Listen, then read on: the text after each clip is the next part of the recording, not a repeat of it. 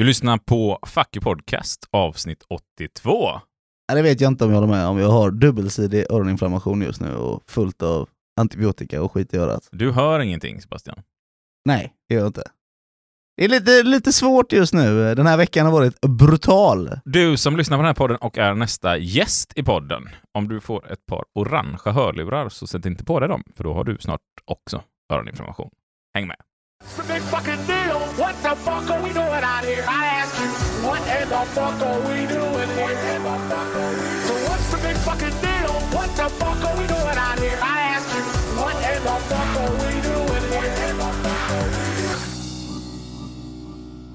Ja, men det är lite kul i början för att då, då kan vi outa nästa gäst. Om nästa gäst säger så, ja men jag lyssnar alltid på fucking Podcast eh, och sätter på sig de här orangea hörlurarna, så är det uh, uh, uh, outad. Du lyssnar inte. på- För då har de hört det här avsnittet innan och kommer säga nej, Ja, jag har inte på de ja, där ja. hörlurarna. Med.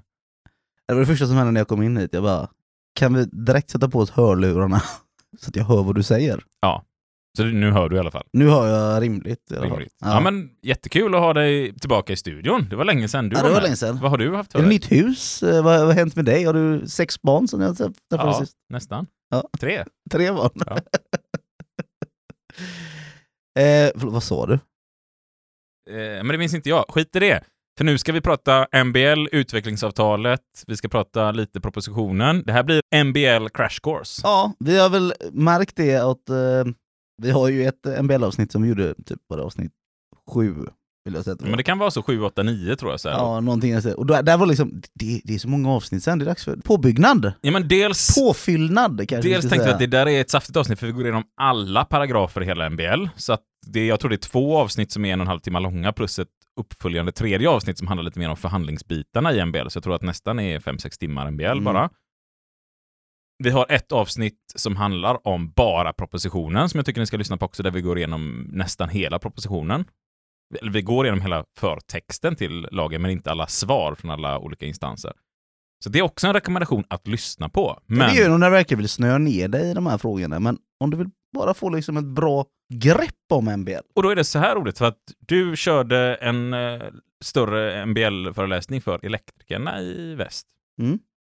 Och då tog du fram en powerpoint som handlar lite om hur man organiserar medlemmar ihop med MBL, om jag förstått det rätt. Det är den här klassiska grejen man får. Kan du på väldigt kort tid köra, du har två timmar på dig, kan du lära oss allt du kan om MBL? Kan du lära dig eh, oss allt du kan om organisering? Kan du lära oss allt du kan om det här? Då tänkte jag, hur kan man kombinera de här två? Och utifrån det kör vi ett avsnitt Och, och jag var ju lite besviken, för jag var ju, som ni hörde i förra avsnittet, där, på, och träffade elektrikerna avdelning 10, och Just då tänkte det. jag så här, men då vill jag prata MBL. Och sen så här, dö, det har Sebastian redan gjort, fick jag till mig där. Inte på så grov göteborgska. Nej, de menar på Trollhättan. Ja, avdelningen ligger där. Ja. Så det var lite så här, ja, okej, då får jag prata om någonting annat då. Men det var jättekul och då skickade du den här powerpointen med mig för att visa så vi inte skulle prata om exakt samma sak. Och det var en väldigt intressant powerpoint. Och samtidigt så har ju vi suttit i podden och tagit fram en helt ny powerpoint som vi tänker att vi ska dela med oss av till er lyssnare. Så till det här avsnittet så finns det en powerpoint som ni kan tanka hem på våran Google Drive. Så vi kommer länka med till avsnittet. Ja, och man kan göra så att går man in på fuckypodcast.se Nej, så professionella har vi inte blivit än. fuckypodcast.podbean.com som är vår officiella hemsida. Om man går in där så finns det lite länkar längst upp och där finns det en länk till eh, filer och övrigt tror jag den heter. Då kommer man in på vår Google Drive så kan man tanka hem grejer därifrån. Det enda ni behöver är ju ett, någon form av Google-konto för att komma in på den. Och där kommer ni kunna tanka hem den här powerpointen så kan man antingen ha med den när man lyssnar eller själv köra den i utbildningar eller köra den på sin arbetsplats. För att den här powerpointen Dels använder jag den själv på mitt eget företag till att utbilda våra förtroendevalda, men även prata med chefer om det och HR-organisation. Dels har vi fått förfrågan om att köra detta på ett par kommuner runt omkring i Sverige. Och eh, nu sist så fick jag det på ett stort eh, propellerföretag i Göteborg. Jag har fått frågan att utbilda HR-chefer och klubb ihop i det här. Man kan ju dra ut på detta och köra det i tre, fyra dagar också givetvis. Men vi tänker att idag gör vi ett riktigt crash course-avsnitt för den som vill uppfräscha sin MBL. Och jag lovar att det kommer definitivt ge någonting till dig även som har jobbat med MBL i många år. Innan vi kör igång helt och hållet, hur djupt kommer vi gå i paragraferna så man har koll på det? Här är ju tanken att vi ska använda MBL ur ett organiserande syfte. Vi kommer gå igenom några av de viktigaste som kanske är mer vanliga att man använder ute på arbetsplatserna som vi sa i början, vi kommer inte liksom gå ner och gå igenom som vi kanske brukar göra i en lag, utan nu ska vi prata mer om lagen, om paragrafen.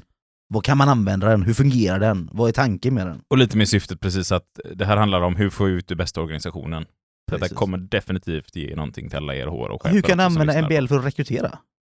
Eh, Hur skapar man en attraktiv arbetsplats med hjälp av MBL? Ja men precis, och hur får ni, hur får ni fler människor in i facket? Ja. Exempel. Och hur får vi fler anställda att ta ansvar på arbetsplatsen? Exakt. Och då är det så här att den här powerpointen som ligger till, när ni hör, hör det här ljudet,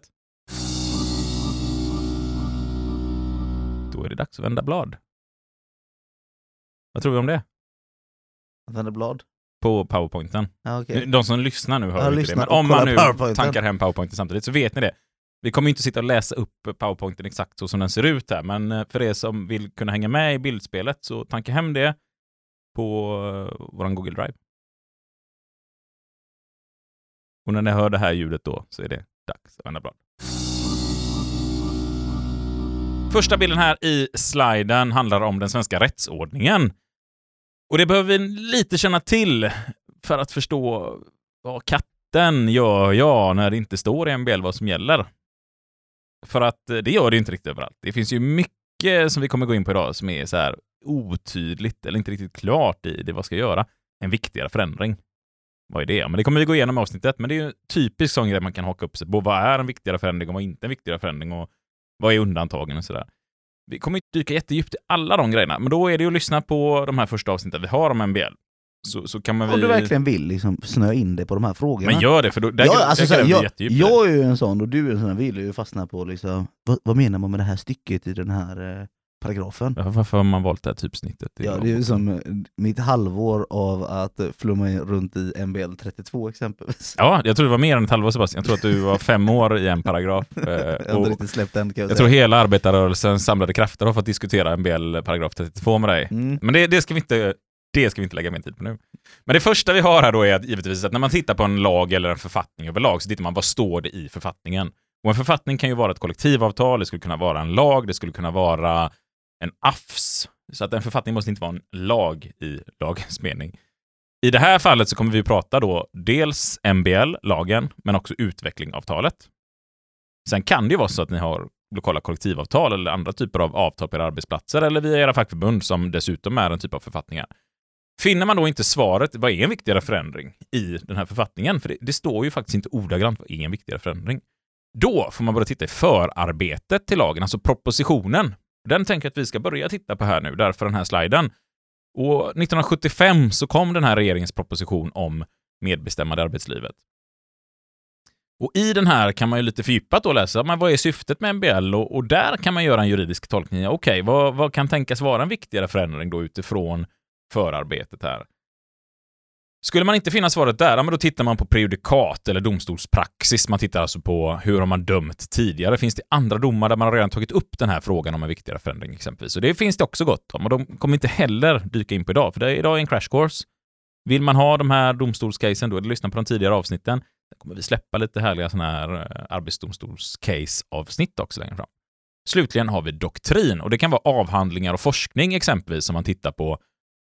Vad finns det där som kan stärka att det är viktigt att man på arbetsplatsen exempelvis får vara en del av beslut? Hur påverkar det Sveriges ekonomi? Hur påverkar det välbefinnandet i Sverige? Kan vi finna forskning där, då kan vi ta hjälp av det för att avgöra i domstol om vi har rätt eller fel i frågan. Eh, sen har vi också en punkt som heter övrigt och sedvänja bruk där man tittar på hur har det fungerat i Sverige som land historiskt och det kan också hjälpa till att avgöra ett sånt här case. Då ska vi ta och läsa här ur 1975 76 kolon 105, regeringens proposition. I propositionen läggs fram förslag till lagstiftning som ska öppna vägen för en demokratisering av arbetslivet genom att ge de anställda rätt till medbestämmande i kraft av deras arbete. Lagstiftningen syftar till att stödja strävandena till en social förnyelse av arbetslivet. Den bygger på övertygelsen att demokratiska principer, samverkan och gemensamt ansvar bör prägla förhållandena på arbetsplatsen. Väldigt fin text egentligen, det här är ju hela syftet med MBL här. Det här är när man tog det politiska beslutet på att genomföra det, det här är tanken. vi måste öka demokratiseringen på arbetsplatsen. Alltså vi måste ge de anställda inflytande och vi måste skapa den här samverkan mellan för att vi ska få det egentligen de bästa arbetsplatserna i världen. Löntagarna har genom sina organisationer ställt sig i spetsen för dessa strävanden. Det är ett uttryck för deras bestämda vilja att ta ett vidgat ansvar för vårt lands fortsatta utveckling som en framstående industrination. Detta innebär en väldig styrka för framtiden. Det har också bidragit till att ge reformerna en klar inriktning. Dessa tar sin utgångspunkt i uppfattningen att arbetet är grunden för all välfärd och att folkets vilja till arbete är nationens viktigaste tillgång. Och där har vi det fantastiskt fina, tycker jag. Folkets vilja till arbete är nationens viktigaste tillgång. Sverige är ju tyvärr inte det här turistnäringslandet som folk bara liksom från hela världen tar sig hit för att käka våran goda olivolja och titta på våra fjordar och eh, sola och bada och ja, Nej, vi har väl inte så mycket att hämta där, va? utan det är hårt slit som har byggt den här nationen överlag. Det, det är hårt arbete. Vi har heller inte olja som bara sprutar upp i marken i Sverige. Vi har jättemycket fina naturtillgångar, men det är ju ganska, får man väl ändå säga, okej, vi ska, det är väl otroligt jäkla hårt slit för att hugga ner all den här skogen och ta tillvara på den och eh, hugga sten. Man hugger kanske inte sten, men, men gruvorna vi har för att få ut järnmalm och sådär. Det krävs väldigt mycket hårt arbete i de flesta delar av Sverige för att någonstans vara en framstående industrination, eller en framstående nation överlag. Vi ska nog inte heller underskatta alla de människorna med akademisk bakgrund eller tjänstemannabakgrund som sitter och utför digitalt arbete idag eller annan typ av arbete på kontor. Det är överlag också ett ganska hårt slit och mycket timmar. Sverige har en väldigt hög effektivitet jämfört med andra länder. Och det beror ju på att vi har jobbat med MBL till väldigt stor del. Folket ska känna att jag är en del av nationen, jag bidrar till samhället, jag gör någonting och det får jag tillbaka via mitt land. Reformerna bygger på uppfattningen att arbetet är en social rättighet och en väg till självförverkligande och ett meningsfullt liv. Det präglas av insikten att arbetet ger människorna mycket av deras identitet och självkänsla i det utvecklade industrisamhället. Ja, och vi har ju till och med släppt ett helt avsnitt av självkänsla just hur viktigt det är för en individ. Ja, och det, det är någonting jag tycker vi pratar på tok för lite om i samhället, för vi ser att när man får en bra självkänsla, en stark självkänsla, då bidrar man mycket mer till samhället. Det är mycket mindre tendenser att man vill andra illa, utan snarare tvärtom, att man vill alla så väl som möjligt och, och man ser sitt syfte och vill också bidra till någonting. Kan vi få varenda kotte ute i förorterna att känna att jag är en del av det svenska samhället, jag är en del att bygga upp det här landet, också kunna känna att jag är en viktig del i detta. Det är klart att då kommer det bli förändring i våra förorter. Det, här, det är ju inte bara en fråga om är skolan bra och finns det fritidsgårdar? Utan det handlar ju också om föräldrar. Har man en framtidstro känner man att jag är med och bidrar till allting. Och det här är jätteviktigt. Kommer man då ut på en arbetsplats där man inte är respekterad av sin arbetsgivare, man kan inte säga ifrån, man får själv fast man inte gjort något fel. Men det är ju bara en tidsfråga innan man bryter ner sig själv och till slut börjar hämnas på de sätt man kan. Och det har vi pratat lite om det avsnittet, att vi, vi har stora fabriker i Göteborg i alla fall, där man har haft ett ganska dåligt ledarskap. Det sker mycket konstigheter. Det är vattenöversvämningar, man stoppar papper i toaletterna och sätter igång dem så att de svämmar över. Det är skadegörelse, det är både det ena och det andra. Man tar inte ansvar för kvaliteten i arbetet. Mycket missbruk. Missbruk. Och det, det är klart att det, det rör sig om att man känner sig inte respekterad på sin arbetsplats. Man är inte en del av bolaget. Man känner att jag går hit och tar mina pengar och det är allt. Liksom. Och sen hämnas man när man får skit som man tycker man är oförtjänt i. MBL är någonting väldigt, väldigt mycket större än bara om facket ska sitta och förhandla med oss. Den reform som nu föreslås bygger på dessa grundläggande värderingar av hur arbetstagarnas villkor bör avgöras i vårt samhälle. Den har sin rot i hundratusentals människors upplevelser av arbetslivets vardag. Det är fortfarande många och för dem viktiga beslut fattas av arbetsgivaren utan deras önskemål och uppfattning ges möjlighet att påverka besluten. De fackliga organisationernas krav på en utbyggd företagsdemokrati är sålunda inte något uttryck för organisationens representanters vilja till makt för egen del. Vad de eftersträvar är delaktighet och engagemang hos de arbetande människorna i de beslut som rör deras dagliga arbetsmiljö. Och här säger man redan här att det handlar ju inte om att vi ska ha massa heltidsfackliga som ska sitta på topppositioner i olika bolagsstyrelser. Vi behöver få den, den personen som utför kanske det lägsta arbetet röst hörd där besluten fattas för att vi ska ha en större, risk, eller större chans att påverka vår arbetssituation och skapa oss ett bättre liv. Och egentligen det vi pratat om i de tidigare eh, sidorna. Och vill man liksom få arbetsplatsen att på riktigt fungera och ta ansvar, då handlar det inte bara om att förhandla med facket, utan att låta facket få ta de här mötena med dem på golvet. Alltså verkligen hinna diskutera igenom så alla känner att jag var delaktig i den här frågan. Jag har kommit med mina idéer och tankar och jag skickade med det med min fackliga representant och där har företaget lyssnat. För jag förstår att vi kan inte alla 150 personer på bolaget sitta in hos chefen och, och tala om vad vi tycker. Men för er som är på ett bolag med 7-8 personer, blanda in alla hela tiden och sen låt dem sitta i lugn och ro med sin representant, för alla vågar inte prata för ledarna. Eh, och så kan det även vara inom den fackliga organisationen, att alla inom ett fackligt led inte vågar ta upp allt med sin fackliga ledare heller. Liksom. Så att ni måste hitta former där alla känner att jag är delaktig i besluten. Arbetares och tjänstemäns fackliga organisationer har tillvunnit sig allmän respekt och erkännande för sin styrka, sin stabilitet och sin vilja och förmåga till brett ansvarstagande i sitt hävdande av löntagarnas intressen. Internationellt framhålls svensk arbetsmarknad ofta som ett föredöme när det gäller att på fredlig och utan samhällsekonomiska störningar lösa de fackliga intressefrågorna. Och hela den här meningen tycker jag säger så jäkla mycket, för det är så ofta jag själv hamnar i den här fällan och ser hur det ser ut i Frankrike och i Tyskland och det strejkas. Och man gör grejer och man har aktiviteter där man går ut och klagar medialt. Och varför gör man det? Jo, men det är ju för att man sitter inte där och MBLar om saker och ting. Man sitter inte där i varenda diskussion i företagen. Man sitter inte där i riksdagsställning eller regeringsställning och kan påverka.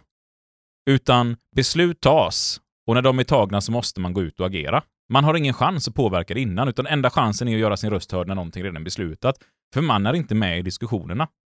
Och det är klart att då får man ta till att bränna bildäck. Man får ta till att ockupera ställen. Man får ta till att spärra av centrum. Man får se till att sabba flyg och tåg och båtar och allting så folk inte kan resa. Det är det man får göra när man inte har någon påverkansmöjlighet. I Sverige har vi valt en helt annan inriktning. Vi sitter med från början och diskuterar. Och det är klart att mina kollegor ibland undrar varför går vi inte ut i strejk? men för vi har redan diskuterat de här frågorna. Vi kommer inte längre så här. Och, och, ibland händer det ju att ja, men den här gången kommer vi inte längre så här och det här är en så principiellt viktig fråga för oss att vi tar upp den i nästa avtalsrörelse. Och löser vi det inte där, ja, men då blir det en riktig strejk. Men då har vi kunnat lägga ordentligt med tid på förhandling däremellan, vilket gör att vi utsätter inte vårt samhälle för ekonomiska kostnader som egentligen på sikt drabbar oss alla. För hur det än går med skadestånd, med böter till Arbetsmiljöverket eller vad allt det kan vara, i slutändan, vilka är det som ska dra in de här pengarna som ska bötas bort?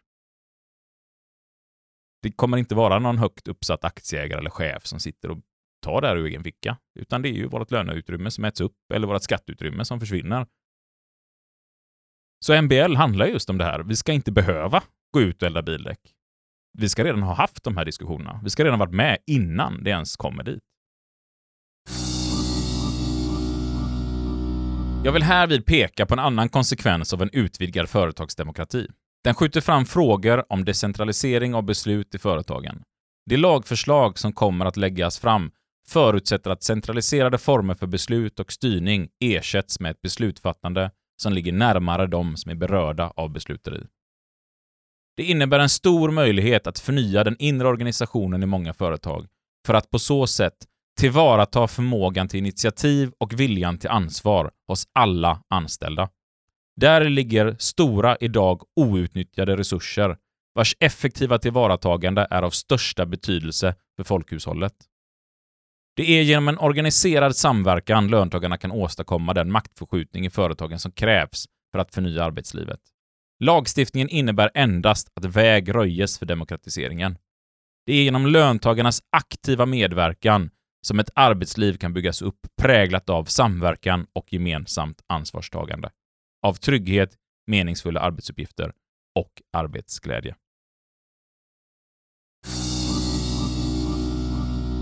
Ser vi oss som nationens viktigaste tillgång? Ser våra kollegor sig som att de är nationens viktigaste tillgång varje dag de åker till jobbet? Med en sån stolthet att man sätter sig på bussen eller spårvagnen eller Ta bilen. ta bilen. Eller cykel eller vad det kan vara. Sitter man där och tänker så här att nu gör jag någonting otroligt viktigt. Och då spelar det egentligen ingen roll vad man gör, för att alla är ju ändå med och bidrar till det samhället vi har byggt upp. Den känslan ska enligt lag vara där. Samtidigt så säger lagen att eh, det enda lagen säger är att ni har möjligheten. Ni har möjligheten till detta. Man hör ofta ibland så här att folk tycker att ja, men facket är något förlegat och det är ingenting som Var bra behövs på och- 70-talet. Ja, det var bra på 70-talet. Det, det, är inte samma nu. Det, det är förnyat. Och då kan man liksom lite för skojs skull så här, ja, men när får vi den första juridiken i jorden som vi, som vi känner till? Och det är någonstans 5000 år sedan Mesopotamien som vi vet att där, där fanns det en juridik. Där fanns det ett skattesystem och man hade börjat arbeta för andra. Utbrett. Det var inte så liksom att åh, vi har fått den första arbetaren liksom. och så åkte folk och vallfärdade över hela jorden för att titta på första Kolla han eh, står här i fabrik. Ja, han är anställd av andra Helt liksom. sjukt. Nej, utan här, här är ett samhälle där man arbetar åt andra. Och man har ett juridiskt system, man har skattesystem. Och vi ska inte gå igenom hela den här historiesliden som är med här i vår PowerPoint. Men medbestämmandelagen 1976. Alltså 5000 år efter första arbetarna börjar arbeta så får vi egentligen i princip en världsunik lag som talar om att eh, vi ska samverka. Mm. Ha lite, du kan fråga vad han tycker, eller vad de tycker. Ja, det, det, det tog liksom 4970 år. Och sen Ja, för det var precis, det var, det var nyårsafton eh, 3000 år Ja, exakt var det. Det började över en natt så. Ja, men det är givetvis lite svävande så. Då kan man fråga sig, aha, är det något gammalt som bara behövdes på 70-talet då? Eller är detta någonting så pass modernt att det sitter ju inte ens riktigt än? Det är inte ens en självklarhet i varenda organisation att man gör det här. Och där kan vi också diskutera att eh, den här, den här rättigheterna som vi kommer att gå igenom som man har i, i Sverige om att vara med i ett fackförbund och sånt, det, det är ju tyvärr som så att det är mindre än 18 procent av jordens befolkning som ens har rätten på sin sida att kunna vara med i ett fritt demokratiskt fackförbund. I resten av världen är det i princip förbjudet. I, I stora delar av världen blir du fortfarande mördad för detta. Ja, eller att du är med i en fackförbund som, som ja, en diktatur exempelvis styr över. Ja, men precis. Vi kan väl ta Kina. Det är det är ju inte fria fackförbund där.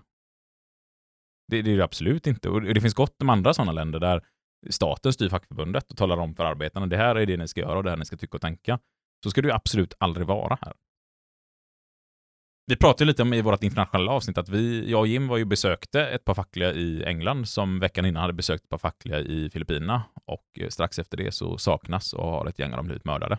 Vanliga busschaufförer och blivit terroriststämplade i Filippinerna. Man vill ha ett kollektivavtal, man vill vara garanterad arbetstid och lön. Det var det man ville. Mm. Plötsligt så menar polisen på att vi har hittat automatvapen och det var raketgevär och allt möjligt hos de här busschaufförerna som jag har sett foton på och liksom fått se intervjuer med. Mm, nej, det ska mycket till för att kalla dem terrorister kan jag säga. Nu är vi inne på själva lagen. Lag 1976 kolon 580 om medbestämmande i arbetslivet som vi i folkmun brukar kalla MBL. Medbestämmandelagen. Den första bilden tar bara upp egentligen vad innehåller lagen. Den innehåller lagens inledande bestämmelser, alltså när gäller den och för vem. Den går igenom föreningsrätten, förhandlingsrätten, rätten till information, kollektivavtal reglerar lagen här också. Medbestämmande genom kollektivavtal. Medbestämmande rätt vid tvist om tolkning av kollektivavtal. Så här går man in lite, vad, vad händer om man är oense om ett avtal? Vad, ska, vad är ett avtal? Hur ska det få kallas ett kollektivavtal? Lite sådär. Sen kollar den på den fackliga vetorätten i vissa fall. Det är ju som så att facket har ju faktiskt ett par punkter där man bara kan säga nej. I- Inte riktigt så enkelt. För det ska förhandlas innan givetvis. Sedan har vi fredsplikten, medling, skadestånd och tvisteförhandlingar och rättegång. Intressant här då visar ju att man kan ju inte bara kolla i en lag som att ja, men det handlar kanske inte om det här för det här är ju om medbestämmande. Helt plötsligt så pratar vi om fredsplikt, alltså när får man strejka? Hur är det reglerat? Jo, men det hittar du i MBL och det här är det viktiga mellan att man måste kolla mer än vad kanske namnet om lagen säger. Finns saker i LAS, finns det saker i någon annan lag, finns det hänvisningar till socialförsäkringsbalken och så vidare och så vidare. Lagen kan vara komplex, det är därför vi säger lyssna på de tidigare avsnitten när du vill höra liksom när vi är inne i paragrafnivå. Och nu pratar vi ju då bara MBL idag. Saltsjöbadavtalet. Innehåller ju också lite regler för det här. Utvecklingsavtalet kommer vi ju komma in på nya huvudavtalet. Nya huvudavtalet, absolut. Och sen har vi ju alla AFSar, som i princip talar ju varenda AFS om så finns. Att allt som har med arbetsmiljö att göra blanda in personalen, personalen, personalen, Och personalen. sen, sen får man ju påpeka att alla jobbar ju inte med MBL i den här bemärkelsen heller. En del har ju samverkansavtal som bryter ner det här ännu mer, hur du ska lokalanpassas. Alltså jag kommer ju själv från den här världen där man då sitter i MBL-förhandlingar. Ja, det gör ju inte så mycket nu i mitt fackliga uppdrag, för nu har vi ju ett samverkansavtal som är centralt. Vi har ett lokalt samverkansavtal och i slutändan så är det APT, där vi sitter bara vi typ sju kollegor och har liksom ja, egentligen en, en allmän diskussion där vi, där vi alla delar med oss och tycker och tänker om olika frågor. Så leta runt, var noga med att ni tittar med de fackförbund som ni är anslutna till. Vad har vi för specifika regler så att ni inte bara lyssnar på Isak och Sebastian här i Facket Podcast och tänker att det är det vi behöver göra och inget annat. Vi kan ju också ha en annan tolkning än vad ert fackförbund har. Så där är det också viktigt att man tittar med sitt egna fackförbund. Vad har vi för tolkningar av de här frågorna?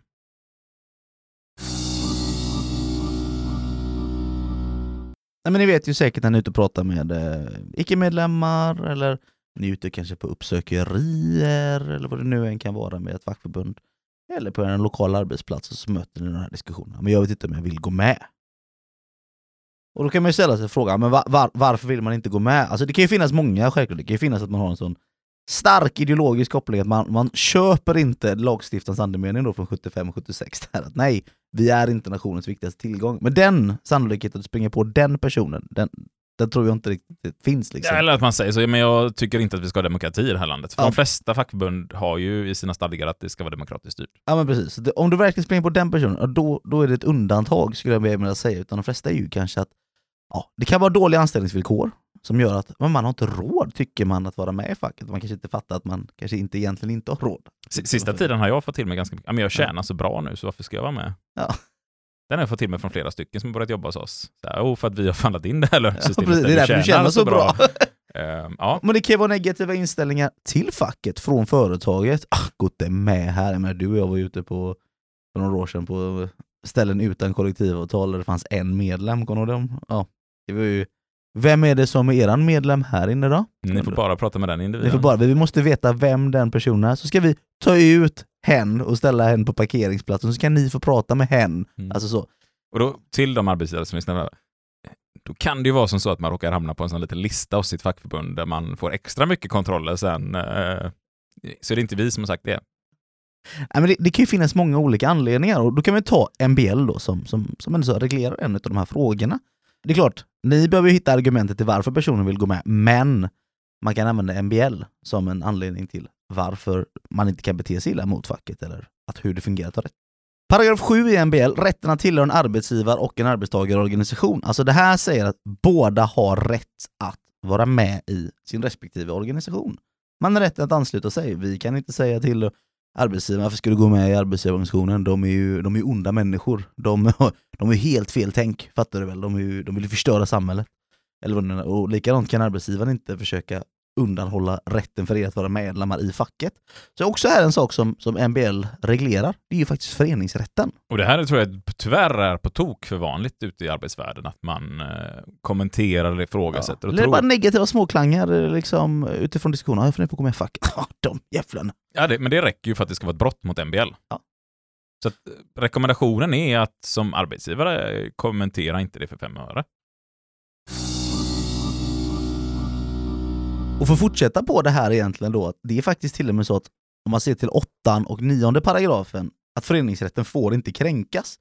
Vilket betyder att i det långa loppet så är det arbetsgivarorganisationen som får kontakta arbetsgivaren och säga du får inte bete dig så här. Alltså man får prata med sitt fackförbund som i i slutändan då får prata med arbetsgivarorganisationen som får ringa till arbetsgivaren och säga så här, du får inte bete dig illa eller prata illa om fackförbundet. Föreningsrätten är så stark i Sverige. Man har rätt att tillhöra vad man vill. Det är klart du har rätt att inte vara med i någonting också, det får man också komma ihåg. Men det är viktigt att man, man får inte tala negativt, ifrågasätta, hindra eller påverka individen eller bolag att inte ansöka eller vara medlem i, i en organisation. Och där är det viktigt att de fackliga inte heller försöker övertala arbetsgivaren att du ska inte gå med i arbetsgivarorganisationen. Det här går åt två håll. Det är viktigt att tänka på det, liksom, att det, det ska vara en respekt åt båda håll och det tycker jag någonstans att man men bör se till att göra. För överlag, arbetsgivarorganisationer, nu säger jag överlag, gör ju väldigt mycket bra grejer också. Försöker få ordning i branscher, försöker hålla bra regler, få till en bra utbildningsnivå. Sen kanske vi tycker extremt olika i lönebildningsfrågor och, och vissa andra typer av frågor. Liksom. Men överlag så tror jag att det här föreningslivet är bra åt flera håll. Man får komma ihåg att i, i det här fallet så, så är det faktiskt två stycken i båda organisationer som vill ha en legitimitet i branschen som, som talesperson. Och då har man faktiskt det gemensamma ändå så att det vill man ju båda försöka se till så att om inte man har en riktig motpart, då är man inte heller en organisation som talar för någon egentligen heller. Så att eh, det kan vara bra ändå så att tänka på det här att det här är faktiskt väldigt, väldigt viktigt. Och i slutändan då, om det skulle vara så att det uppfattas kränkningar, man antecknar dem då någonstans. Skriv datum, tid och känsla så räknas det som bevisbörda i slutändan. Ja men absolut, och det räcker ju verkligen med, med tre stycken att chef har sagt att eh, jaha, ska du gå med i dem? Ja, på Alltså, tre sådana uppstartsmötet räcker så, för att ta ett så, möte och tala om så, så, så var det en person som stod chefen och sa Facket är kast, ni kan inte göra någonting och nu är tydligen eh, eh, Sandra borta på fackligt igen, det jävla puckot, de ska alltid hålla på de jävlarna. ja, nej, det är absolut. Det är see in court. Mm. men nu ska vi inte komma dit eller? för det har vi redan sagt Nej men det ska vi faktiskt inte göra. Det ska vi Ska inte. Inledande möten för detta. När någon säger så här ute på golvet, du kommer ut till någon som säger så här, ja men ni kan ändå inte göra något. För den har man mötts av ett par gånger. Ja det är en klassiker, ja, ni, ja det är ju tillbaka, ni har spelat ut er roll, ni kan inte göra ett skit. Ni var bra på 70-talet. Ni var bra på 70-talet. Ja, då då är det ju lagen om 70-talet som man får kolla på. Nej men då, då är det så här, alltså, jag brukar säga det här, det här, det här, alla som har gått kurs med mig och lyssnat på det här avsnittet vet ju att man får nästan höra bara, har du ingen fantasi eller? Det, det är det man får höra från mig. För det är ju det, så här, Sagan om ringen, Harry Potter, det är ju liksom skapade av folk med bra fantasi.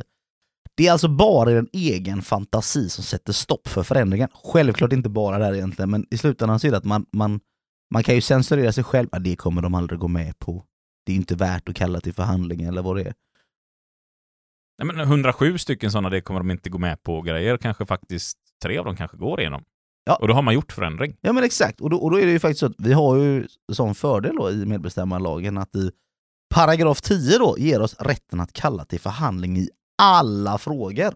Så frågan blir där, ja, men vad, vad, vad är det som, som, som du vill? Har du provat att sätta dig ner och kalla arbetsgivaren till förhandling överhuvudtaget? Och, och ställt frågan till arbetsgivaren, kan du tänka dig att gå med på den här förändringen? För där får man ändå säga, det är någonting som, som, som Darko eh, sa när han var med i det avsnittet som jag tycker är väldigt, väldigt sant. Alltså, ni ska inte behöva bry er om lagar och paragrafer egentligen. Det är upp till domstolen att tolka de här. Det är ju klart det är ett stöd i de här eh, fallen som vi kommer gå igenom. Men ni har ett problem. Lös problemet. Väldigt många blir extremt begränsade av att man tittar i en lag eller ett kollektivavtal. Jaha, det är det här som är reglerna. Men det är ju ett absolut botten på det absolut sämst tänkbara du får ha på arbetsplatsen. Jag refererar till fotboll, det är bara ta Diego Maradona. Han kunde inte nicka bollen, men han hade en bra högerhand. så det är, bara, det är bara så liksom. Använd fantasin. så det är bara det som hindrar er. Eh, och, och konkret så gäller det alla frågor som rör förhållanden med arbetstagare och arbetsgivare som ni kan förhandla till. Och det är alltså en ömsesidig rättighet så att båda parterna kan eh, begära förhandling med den andra. Var det inte vänsterhanden han slog in bollen med? Det kanske det var. Ja, ingen Han hade en bra, En bra hand i alla fall. bra händer. Ja, en bra, bra hand i fotboll.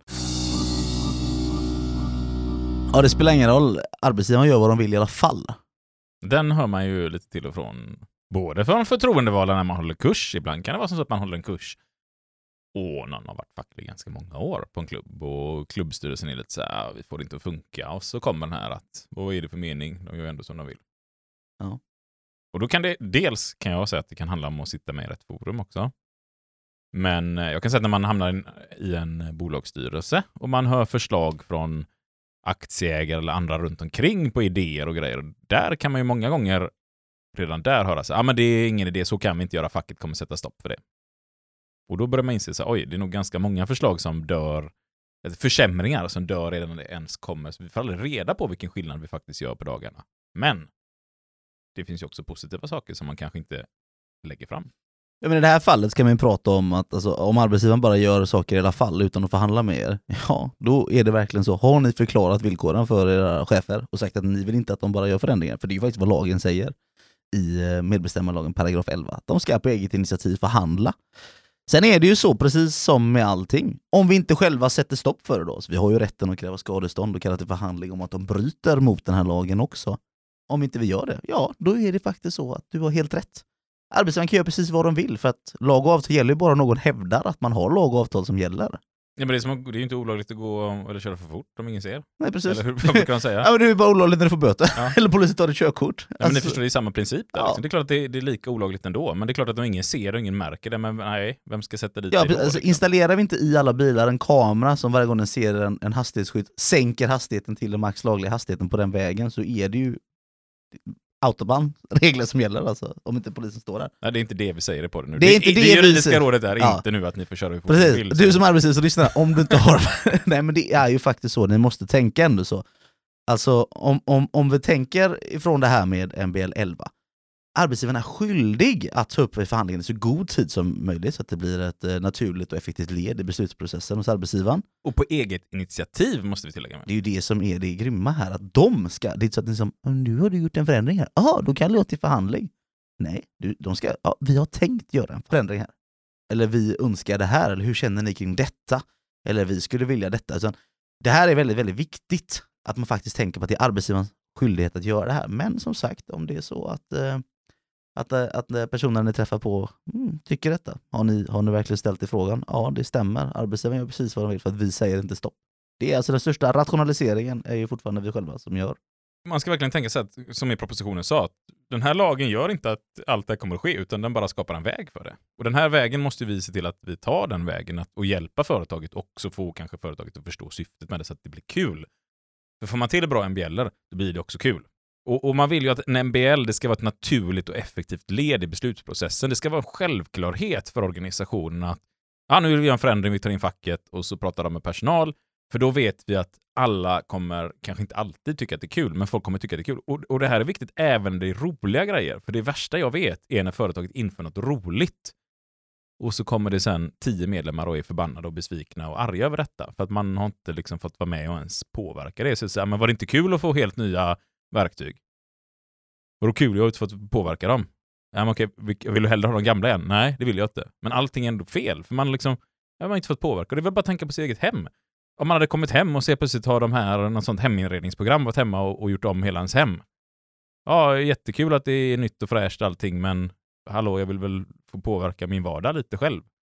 Det är kanske en löjlig jämförelse, men vi kan ha med oss den i huvudet för att de flesta människorna är ju åtta timmar, nio timmar om dagen på sitt arbete, förutom på helgerna. Det är en väldigt, stor tid. Ja, Och då säger jag så här, nej, ni har ingenting att tycka till om under den här tiden. Nej, men då kommer ni ha arbetare som också är lojala, ser det som att eh, ja, jag är bara här av ett enda skäl och det är att jag ska få lön i slutet av månaden. Liksom. och inte lönen tillräckligt bra så drar jag. Det är klart. Så att, nej men det, det kan vara bra att tänka på den diskussionen om ni får den här, ja men det spelar ingen roll vad, eh, vad, vad ni tycker i facket för att arbetsgivaren gör som de vill. Ja, då kan man ju ställa frågan, har ni förtroendevalda på arbetsplatsen? Om, om inte så har ni ju svaret där. Ni hävdar ju inte era, era rättigheter.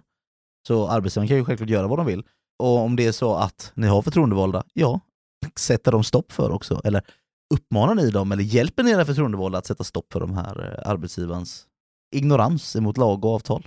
I powerpointen så ska, ska jag läsa, och det här har vi nog bara kopierat från någon annan text eh, från, från något fackförbund här tror jag. För det här är ett hopp- hopplock, vi har inte skapat allt det här från grunden. Vi har plockat lite från lite olika ställen. och inte satt ihop. skrivit MBL. Men stora delar här har vi skrivit själva ändå, eh, men inte, inte lagtext och, och liknande här. Men tolkningen av viktigare förändring och synnerliga skäl avgörs av arbetsgivaren under skadeståndsansvar. Det vill säga att gör nu arbetsgivaren den här tolkningen att det finns ingen fartkamera här, jag kör för fort. Och, och någon har sett detta och det går upp i domstol, ja men då är det ju under skadeståndskravet där som det kommer att avgöras. Har du gjort fel eller inte? Och det kan ni ha med er att ja, det är inte upp till dig som facklig egentligen, det är upp till domstolen. Om man ens hamnar där. Där ska man ju inte hamna. Precis. Men det är- Ingen ska vilja hamna i Det är inte domstolen. ni liksom. som bestämmer att det blir ett skadestånd egentligen, det är faktiskt lagstiftningen och domstolen. Precis. Och det kan man ha med sig i en diskussion med sin arbetsgivare att ja, men vi anser att vi ska få med och påverka detta och, och får vi inte det så är det oss inget annat alternativ än att driva det vidare. Och det är ju där, det är ju samma sak, liksom. vill man att det ska vara en central part, eller två centrala parter, en från arbetsgivarorganisationen och en från fackförbundet centralt som kommer och ska lösa en tvist, som inte jobbar på arbetsplatsen och inte kan påverka exakt hur det ska vara för de lokala parterna. Ja, men de organisationerna behöver ju också finansiera sig själva, så de kommer också kräva skadestånd på vägen dit i så fall, för att inte gå upp i domstol. exakt. exakt. Så att, ha med er det att Tycker man som facklig att det är väldigt jobbigt, för man sitter ju i en stor maktförskjutning, man är i en beroendeställning, det är inte alltid lätt att stå på sig, men då kan man ju faktiskt lägga upp det lite så. Och då kan ni lyssna på våra förhandlingstekniksavsnitt också, framförallt eh, non-violent communication-avsnittet. Och man kan faktiskt ta upp det att, alltså jag är ledsen, men ska jag kunna utföra mitt uppdrag så måste vi göra detta, annars ger ni mig inget annat alternativ än att gå vidare med frågan. Jag kan ju inte göra någonting annat. Tyvärr. Man behöver liksom inte hota, utan det är bara att tala om att men ska jag utföra mitt uppdrag så måste vi ha de här sittningarna. Har vi inte det, men då måste jag släppa det vidare till min centrala organisation. Och då kommer ju de komma till ut skadestånd. Men det, då är det ju arbetsgivaren som har gjort valet. Låt dem göra valet. Ska vi MBLa eller ska vi gå vidare?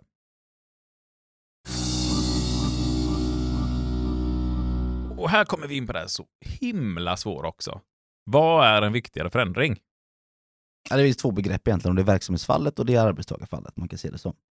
Vad är det det handlar om? Och det kan vara att man ska göra förändringar i rörelsen, alltså i, i, i organisationen. Nej, men vi ska bli mer, vi ska bli mindre personal, eh, vi ska göra om scheman, eh, nedläggning eller vi ska, eh, vad heter det? Investera i någonting nytt, Ja, ny utrustning, nya lokaler. Och det är så här, vad, vad, vad har ni med det att göra? Det är klart att vi har med det att göra. Tror vi att det här är en bra lösning på ett problem eller kommer vi, tror vi att det här kommer vara en hållbarhet? Ja, de ska ju inte självklart Ja, men då investerar vi inte våra pengar, men de ska ha vår insyn till vad, eller inspel, vad tycker vi egentligen i de här frågorna? och idéer. Och jag kan säga att vi har haft stora, stora investeringar där många av våra anställda hade med en gång kunnat tala om att du, jag jobbar med detta varje dag. Det här funkar inte, de här produkterna. Där man hade sparat miljoner på att faktiskt lyssna på de anställda. Och sen finns det andra fall där vi säkert inte hade kunnat tillföra någonting för vi inte har kompetensen om det. De, Men de bara, hade- vi ska investera alla våra aktier i Filmtime. Vi tror att, vi tror att DVD-er och VHS-uthyrning kommer bli populärt igen. liksom. Ja, ja.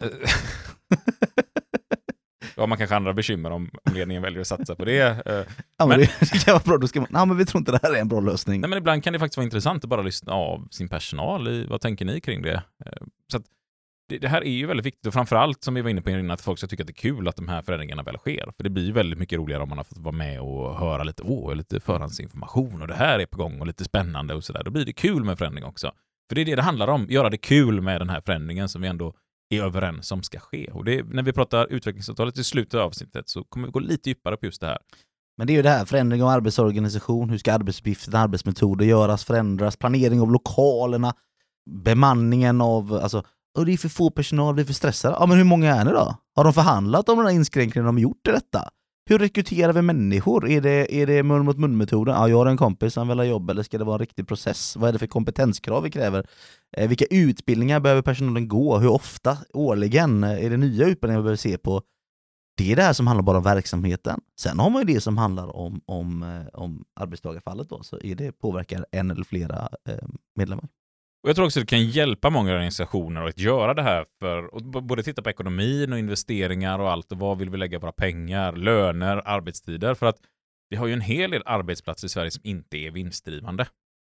Det kan vara dels ideella organisationer eller föreningar, men det kan ju också vara kommuner som har olika arbetsplatser där man som kanske rektor på en förskola eller på ett sjukhus faktiskt inte kan påverka hur mycket vi styr ekonomin. Man kan inte sätta priset, man kan inte bestämma vad man lägger pengarna på, utan man blir tilldelad en budget.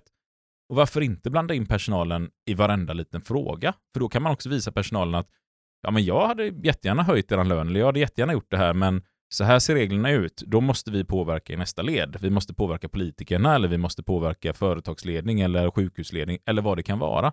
Sen vet jag att ja, för många rektorer och chefer och sånt där så kan det vara lite farligt att, att få igång det där på ett visst sätt. Va? Men vi ser också väldigt lyckade fall där man gör detta och där personal får förståelse. Okej, vi ska göra det bästa av situationen här, men vi behöver organisera oss och påverka på ett annat plan i samhället. För att återgå till arbetstagarfallet då. Det, det kan ju röra sig om allt som handlar om att man vill omplacera en person, eh, tillfälligt låna ut någon, men det kan också vara sådana saker som, ja, men vad arbetar personen med? Arbetsinnehållet, vad har man för verktyg? Egentligen allt som rör arbetsmiljöförändringar. Gå in på Arbetsmiljöverkets hemsida och kolla vad det finns för AFSar, så lovar jag att det finns en AFS för varenda liten sak som du tänker förändra på arbetsplatsen. Nu tänker jag säga någonting som kan låta så här. ibland är det så att arbetsgivaren faktiskt gör snälla saker också. Då ska de inte tro att bara för att de ska göra snälla saker att de är undantagna att förhandla om det här. Och varför, nu får man säga det utan att låta som en liten surgubbe. Ja men det kan vara så att nu ska vi ha ett nytt ventilationssystem för en halv miljon arbetsgivaren köpt in. Väldigt snällt för ni har stört på att det är varmt eller det är fuktigt eller vad det nu än kan vara i lokalen. Men har man valt rätt ventilationssystem. Det är det som är för ändamålet. Därför är det så viktigt att arbetsgivaren faktiskt behandlar med de här frågorna. Ja, och återigen som vi sa innan här. Ja, du får ett nytt verktyg som är det dyraste på marknaden. Men du känner så här, ja men jag fick inte vara med och påverka det. Ja, det är Så för nu blir jag vibrationer i alla fall. Liksom. Ja, det är det dyraste, det var inte det bästa. Nej, så, så, så, så prata med folk, involvera folk. Och jag har med ett exempel här som jag tycker är så jäkla bra. För att vi hade två arbetsstationer på vår arbetsplats som man har liksom, man har behövt trycka in dem i efterhand, så man har fått göra det utefter för förutsättningar som finns. Men det är två platser där man ska kunna köra in en bil. Problemet är att enda platserna som var lediga för detta, på ena platsen får man in en hel bil, på den andra får man bara in de minsta bilarna, sådana här brittiska små eh, bilar som man kör omkring med i Storbritannien då, för att inte nämna märket på de här. De minsta av dem får man in på den här platsen, men inte de lite större tyska bilarna som, som går på autobahn. Vilket gör att man kan bara jobba på en av de här platserna åt gången med bilar. Vi har en anställd som har kommit på en idé att ah, den här porten vi har, om vi byter ut den, för det är en dörr bredvid porten, till en port med inbyggd dörr i, då kan vi bygga ut den här en meter, då får jag in alla bilar, vilket gör att jag kanske kan sälja för en, en och en halv miljon mer per år. Alltså, nu pratar vi mycket pengar. Redan där är ju den där porten intjänad flera gånger om. Men man tänker lite så här, ah, men jag tar inte upp det just nu med ledningen, utan jag väntar lite för så ser vi liksom om det kommer upp ett bra läge. Och man går och väntar på att det här läget ska komma upp. Simsalabim så har någon kört in i den här porten, så den är trasig och behövs bytas. Givetvis, som chef så tänker man den behövs bytas ut så fort som möjligt, för det drar ju in kall luft i den här liksom. Enkelt, smidigt, ja men det passar med en exakt likadan. Man köper in en likadan och slänger in den på ett par sekunder och det är gjort väldigt snabbt och man tänker säkert som chef, jäklar vad nöjda personalen kommer vara att jag fixar det så fort. För det är ju ett annat bekymmer att många klagar på, om min chef fixar aldrig några problem, det tar alltid sån tid. Alltså helt rätt tänkt av chefen. Men nu står det en hel grupp med folk där som hade en idé och har inte blivit lyssnade på. Där hade man kanske en chans att utan någon extra kostnad, för den ska ändå bytas ut, man måste ändå lägga ner de här pengarna, hade man kunnat sätta in den här andra lite smalare porten med inbyggd dörr, kunnat byggt ut väggen en meter för att tjäna en och en halv miljon mer per år. Men det får man ingen kännedom om. Och det är det här vi menar att det kan utveckla något så otroligt om man pratar med de som är där. För det finns idéer, det finns tankar. Vi pratar om människor som står nio timmar om dagen på en arbetsplats och gör någonting. Jag lovar att det finns idéer där ute. Finns det inga idéer där ute, då tror jag att det beror på att man inte orkar engagera sig eller bry sig om sin arbetsplats. Att man inte riktigt känner sig engagerad, stimulerad eller respekterad på arbetsplatsen. Tittar man nu på vad som är en viktigare förändring så kan man inte riktigt sitta och säga här i en podd att det där är en viktigare förändring, där är inte en viktigare förändring. För det är så avvägande av vad det är man gör på arbetsplatsen och hur personal påverkas. Jag sitter på ett kontor utan eh, något fönster. Alltså jag, jag sitter i ett kontor inne i en korridor och i den korridoren finns det fönster ut. Jag får inget dagsljus från någon sol på mig. För mig är det ju en av de viktigaste frågorna för min arbetsmiljö just nu. Det är belysningen. Alltså glödlampa. Och det kan låta löjligt att säga att ja, vi ska förhandla med en glödlampa. Men det är ju skitviktigt för mig. Vi bytte ut vår belysning i vårt klubbrum, i vårt kontor. Jag kan säga så här, att från att man satt klockan tre varje dag och tänkte så här, åh herregud, du ska orka med den sista timman, så satt jag och Andrew, vårt huvudskyddsombud, och helt plötsligt sa till varandra, du fan Isak, klockan är fem, vi slutade för en timme sedan. Vi har bara jobbat på. Eh, för energin, det blev så jäkla mycket mer när vi fick in den här belysningen. Och går man in på Arbetsmiljöverkets hemsida och läser lite kring belysning, då finns det tester som är gjorda där i världen där man har sett att man kan öka produktionen eller produktiviteten med 10-30% bara av att sätta in rätt belysning. Så att ja, det, det är en fråga med belysning. Väggfärg kan definitivt vara en fråga. Vi har lite flashiga kontor på ett av våra anläggningar där man har målat svart överallt inne på kontoren. Nu är det inga som sitter och jobbar där på heltid. Men det är svart färg på kontoret. Jag kan säga så här, det spelar ingen roll vad man sätter in för belysning. För det är kolsvart, det känns som det är natt var man än är i den här lokalen. Du, du kan sätta på så stark belysning att du blir helt bländad och så fortfarande känns det som att du är mitt i natten för att det är kolsvarta väggar och svart golv dessutom. Så att färg på väggar kan definitivt vara en jätteviktig arbetsmiljöfråga. Och lite som du sa här innan, den bästa maskinen eller dyraste maskinen kanske inte är den bästa maskinen. Kort och gott, allt kan vara en viktigare förändring. Och det här gäller att ta reda på, ha samverkan och diskutera det tillsammans.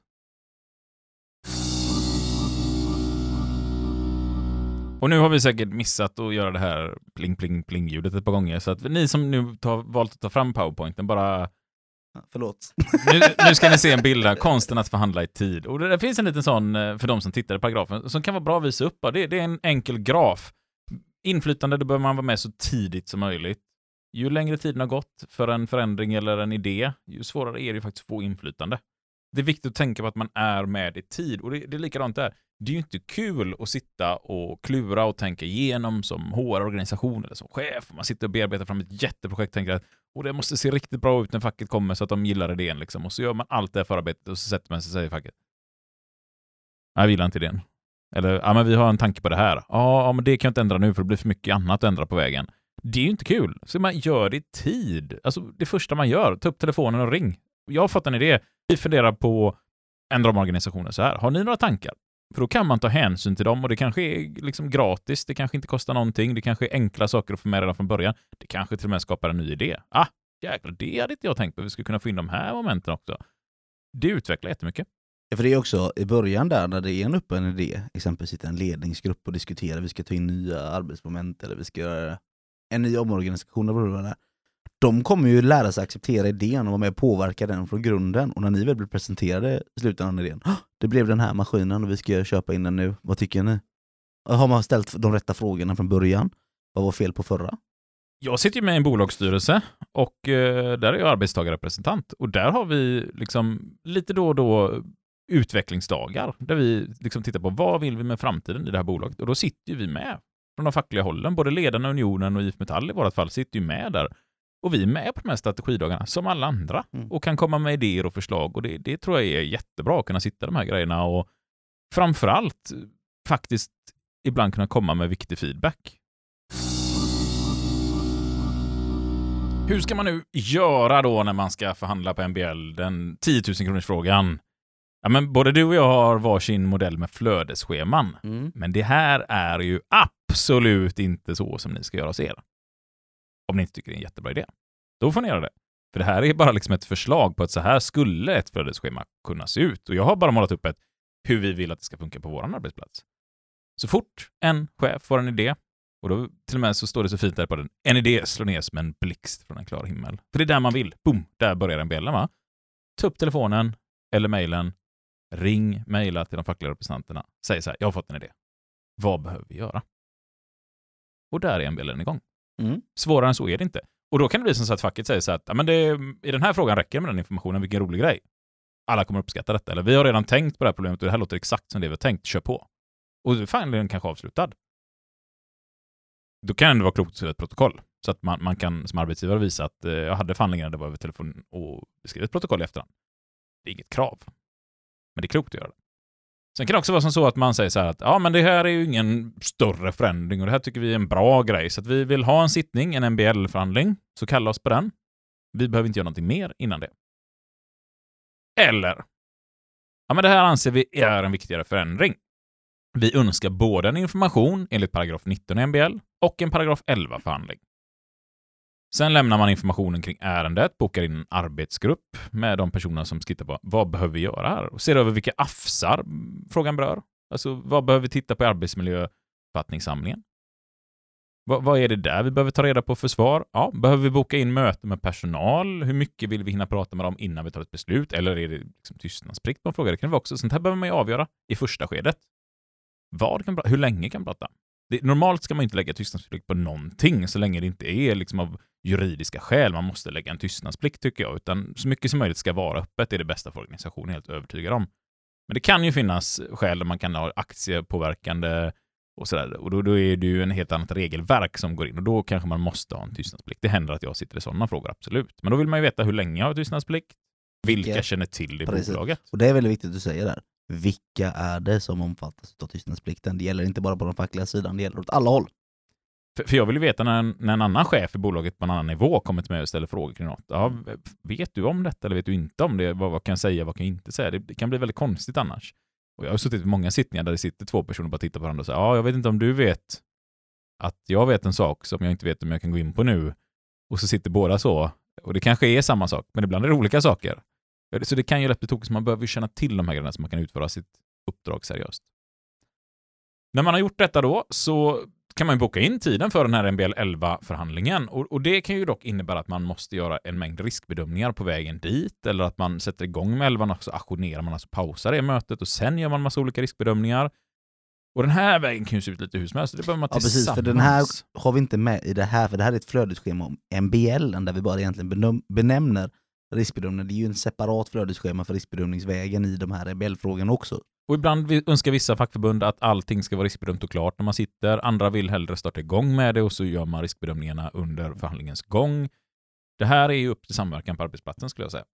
Jag vill ju i så tidigt skede som möjligt att skyddsombuden är med i varenda liten fråga. Är det en riskbedömning så vill jag att skyddsombudet ska vara med från första sekund. Det ska inte, man ska inte komma till ett bord där det redan är ifyllt en massa grejer, för då blir det återigen svårt att påverka vad man har tittat på. Men glöm inte av i en sån här NBL-fråga att skyddsombuden har en extremt stor del att kunna hjälpa till när de riskbedömer. För i systematiska arbetsmiljöavsen så pratar man om att eh, skyddsombuden också ska vara med i de här frågorna och eh, att man ska riskbedöma alla förändringar. Är man överens här då i den här paragraf 11-förhandlingen, ja men då är det färdigt sen. Och så skriver man ett protokoll. Skulle det nu vara så att ja, man är inte överens, då kan ju arbetsgivaren oftast tala om att eh, nej men, vi kommer att köra på det här förslaget. Så länge det är allting riskbedömt och klart, ordning och reda, och då avslutar man kanske förhandlingen i oenighet. Och då ska det stå att man avslutar en oenighet. Och där finns ju sen en mängd alternativ för fackföreningen att gå vidare. Och det, det kommer vi prata om eh, fortsatt i avsnittet här, men det kan dels vara att man talar om att vi begär central förhandling i frågan och så tas den upp av det fackförbund man är med i och arbetsgivarorganisationen. Det kan också vara så att man inte kommer överens där och frågan går vidare till Arbetsdomstolen. Då blir det ju en fråga för Arbetsdomstolen. Och i Arbetsdomstolen kan man ju liksom inte komma överens om att okej, ja, men vi backar på våra krav nu, vi skakar hand och så är vi överens och så behöver ingen betala något skadestånd, utan som vi sa här innan att där kommer ju frågan ligga under skadeståndsansvar eller krav.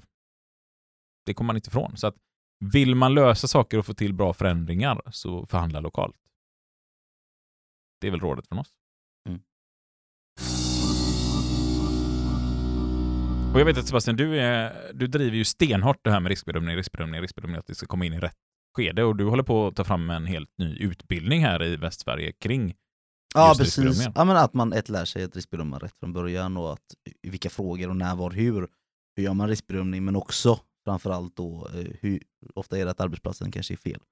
Jag kommer ha en utbildning som heter arbetsplatsutformning här. Eh, Ja, och ditt gamla huvudskyddsombud faktiskt håller på att ta fram. Ja, Robin som har varit med i podden och Ja. pratat vibrationer. Precis. Och det kanske kan bli ett poddavsnitt av det här också lite längre fram då. Kan absolut bli. Nu är inte Jim här och säger till oss att ni kan inte sitta och lova saker hela tiden. Mm, men nu är inte han här. Så vi kan lova vad vi vill idag. Ja. Paragraf 12. Den förstärkta förhandlingsrätten. Våran fallskärm. Vi, vi har inte den här... Sex, 16 miljoner får man. Ja, vi har inte riktigt den typen av fallskärm. Det kanske hade varit skönare sen. Nu har ni missat en Bella. Jag ska ha ut 16 miljoner i årslöner här för att jag kommer se upp mig nu. Men det är inte riktigt så våran fallskärm ser ut. Den däremot talar om att om arbetsgivaren har tyckt att eh, det här var ingen viktigare förändring så jag behöver inte förhandla, men då har vi paragraf 12 som talar om att eh, då säger vi till att eh, det här skulle ha förhandlats. Och det är vi som måste kalla till den familjen. Mm. Så det finns en fallskärm, även om arbetsgivaren tycker att jag skiter i detta. Händer det ibland att du, du kommer ut någonstans och så ska du värva medlemmar till facket och så säger de så här att eh, men ni får ändå inte igenom någonting.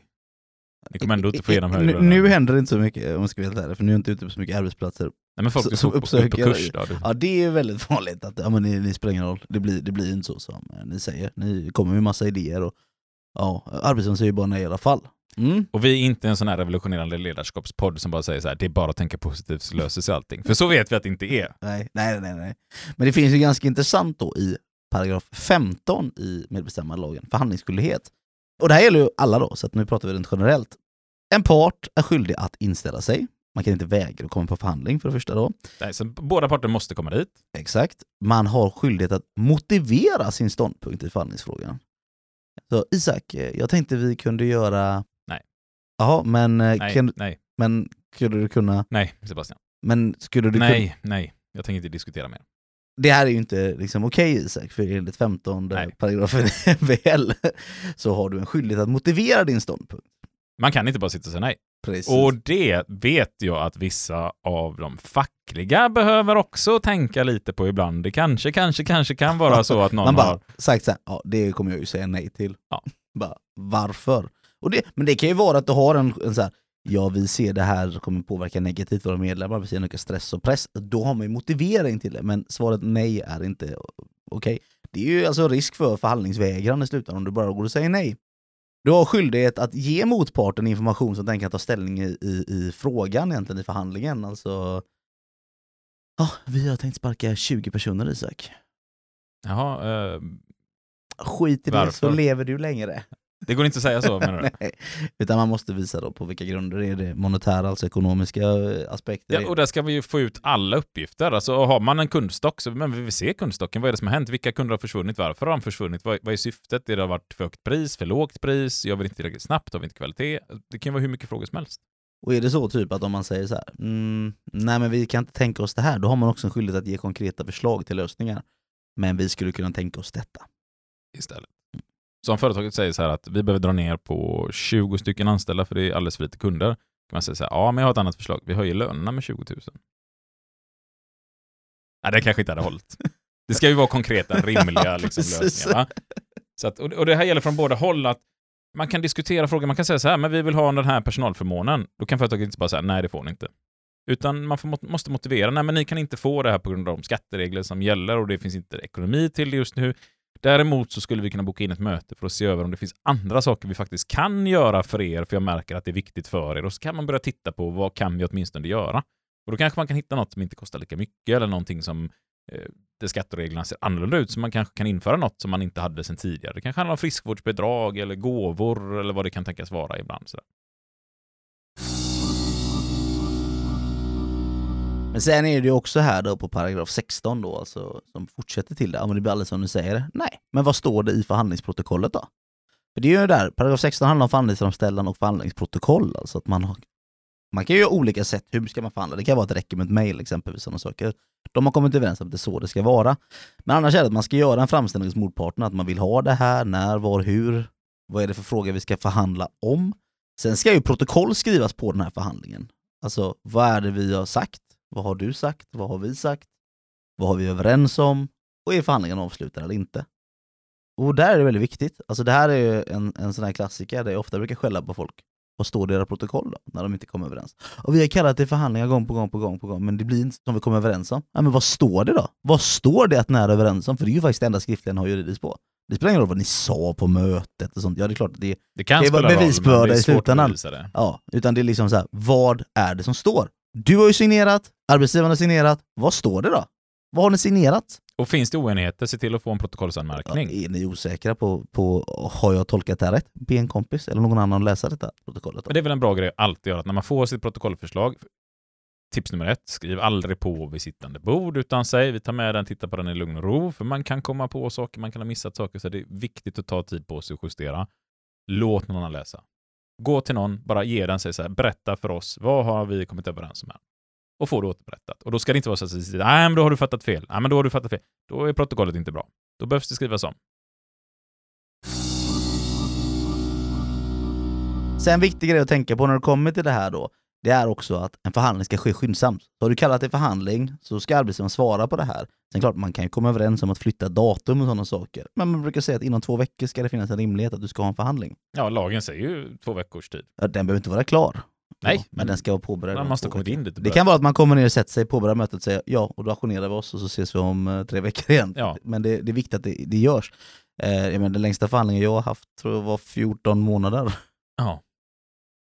Det och jag har förhandlingar som nog har pågått i längre än så. Faktiskt. Ja, nej, men då kom jag på att jag hade en förhandling som pågick ännu längre än det du skulle säga. Ja. Sen hade jag ju i och för sig när jag tänker tillbaka på en, en jättelång förhandling som började ännu längre innan det.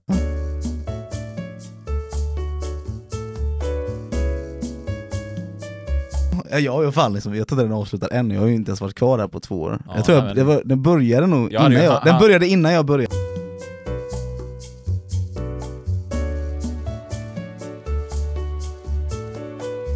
Ja, han som var ordförande innan mig, han, han satte igång en förhandling eh, första dagen på jobbet som inte avslutade.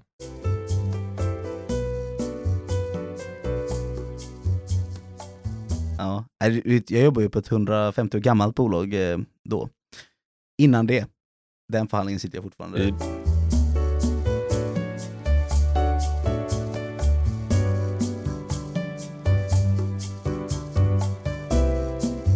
i Babylonien så satte det igång med en förhandling som... Eh,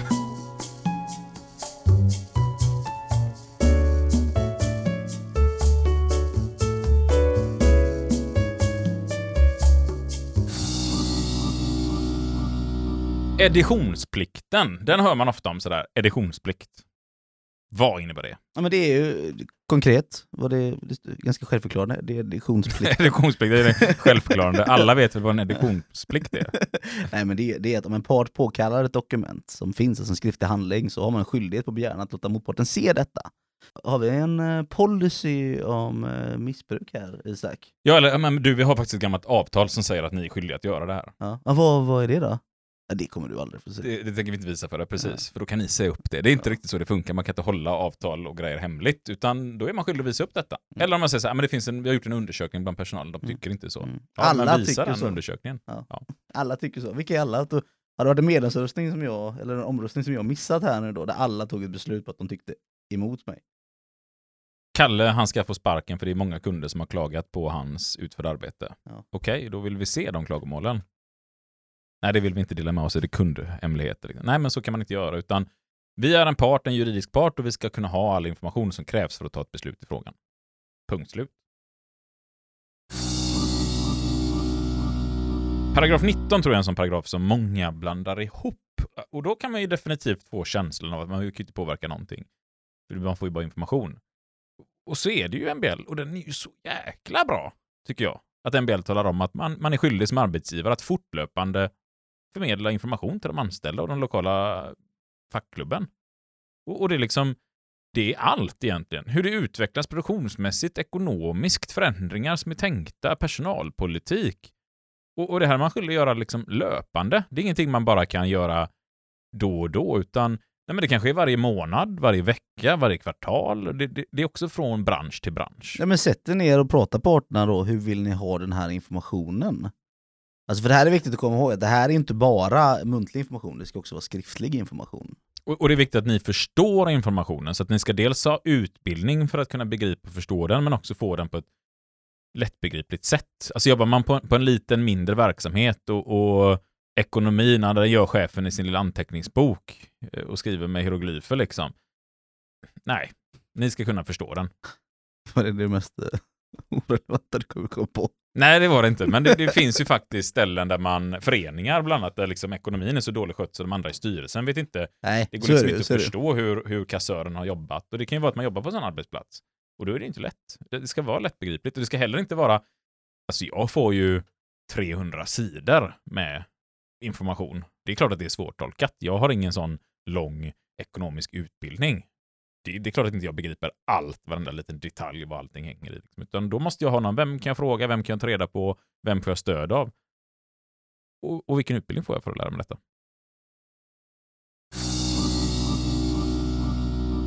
Jag vet att du var väl lite frustrerad en period i det gamla bolaget du jobbade på med informationen ni fick. Jag fick, jag fick ju ekonomisk information på, eller, på tyska liksom. Som de översätter på engelska. Ja. Jag bara, fast via muntligt då, så jag fick liksom Han satt och läste igenom informationen som var på tyska och så förklarade han på, på engelska. Så den var liksom trippelöversatt innan den... Ja eh, precis, det blev lite fel. Liksom, så. Men eh, det blev ju lösning på det sen. Du fick lära dig tyska. Jag fick lära mig tyska fort som fan. Alles gut. Ich bin ein Berliner.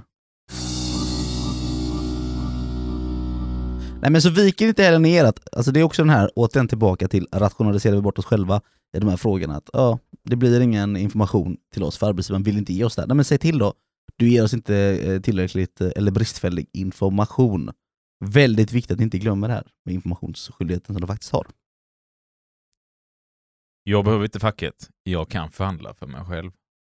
Det här är en klassiker. Den har man ju hört väldigt många gånger.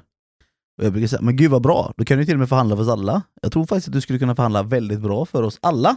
Många gånger så har jag värvat dem till att bli fackliga ombud och de har blivit jävligt bra ombud och de förstår hela syftet i det. Så det, det är mitt råd att faktiskt ta vara på de människorna som säger så. Och själviska grupp. men det det är ju en sån, men, men här är då det väldigt viktiga, man kan ju också välja det andra alternativet. Nej, du kan faktiskt inte. För det står faktiskt i lagen. I MBL 23 som handlar om kollektivavtal så handlar det om att ett avtal som görs ska vara antingen en arbetsgivarorganisation och en arbetstagare, eller en arbetsgivare och en arbetstagarorganisation som ska stå.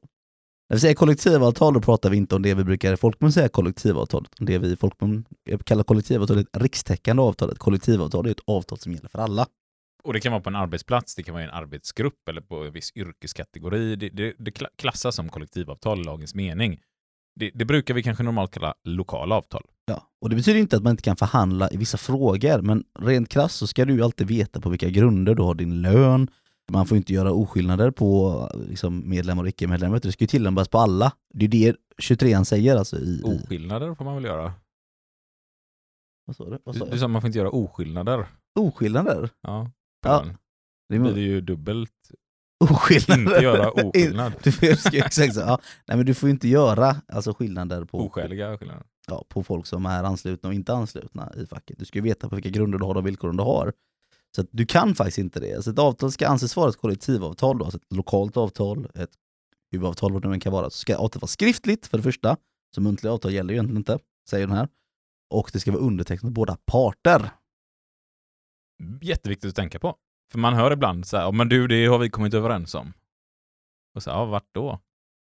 Editionsplikten, då går man tillbaka till. Ja, Vad har du skriftliga papper hoppas på man att detta? man hittar det någonstans. Så det här kan jag säga, det är väldigt viktigt att ha koll på era papper. En av de största förhandlingarna jag vann eh, var just för att jag hittade en jävla massa papper som arbetsgivaren inte hade koll på. De var massvis med avtal som de bara hade slängt. För alla de som går en facklig utbildning, då brukar man alltid få den här frågan. Vad innebär MBLs normerande verkan? Och så hittar ingen riktigt den i lagen. Men nu ska ni lyssna noga här, ni som kommer att gå facklig utbildningar. Paragraf 26.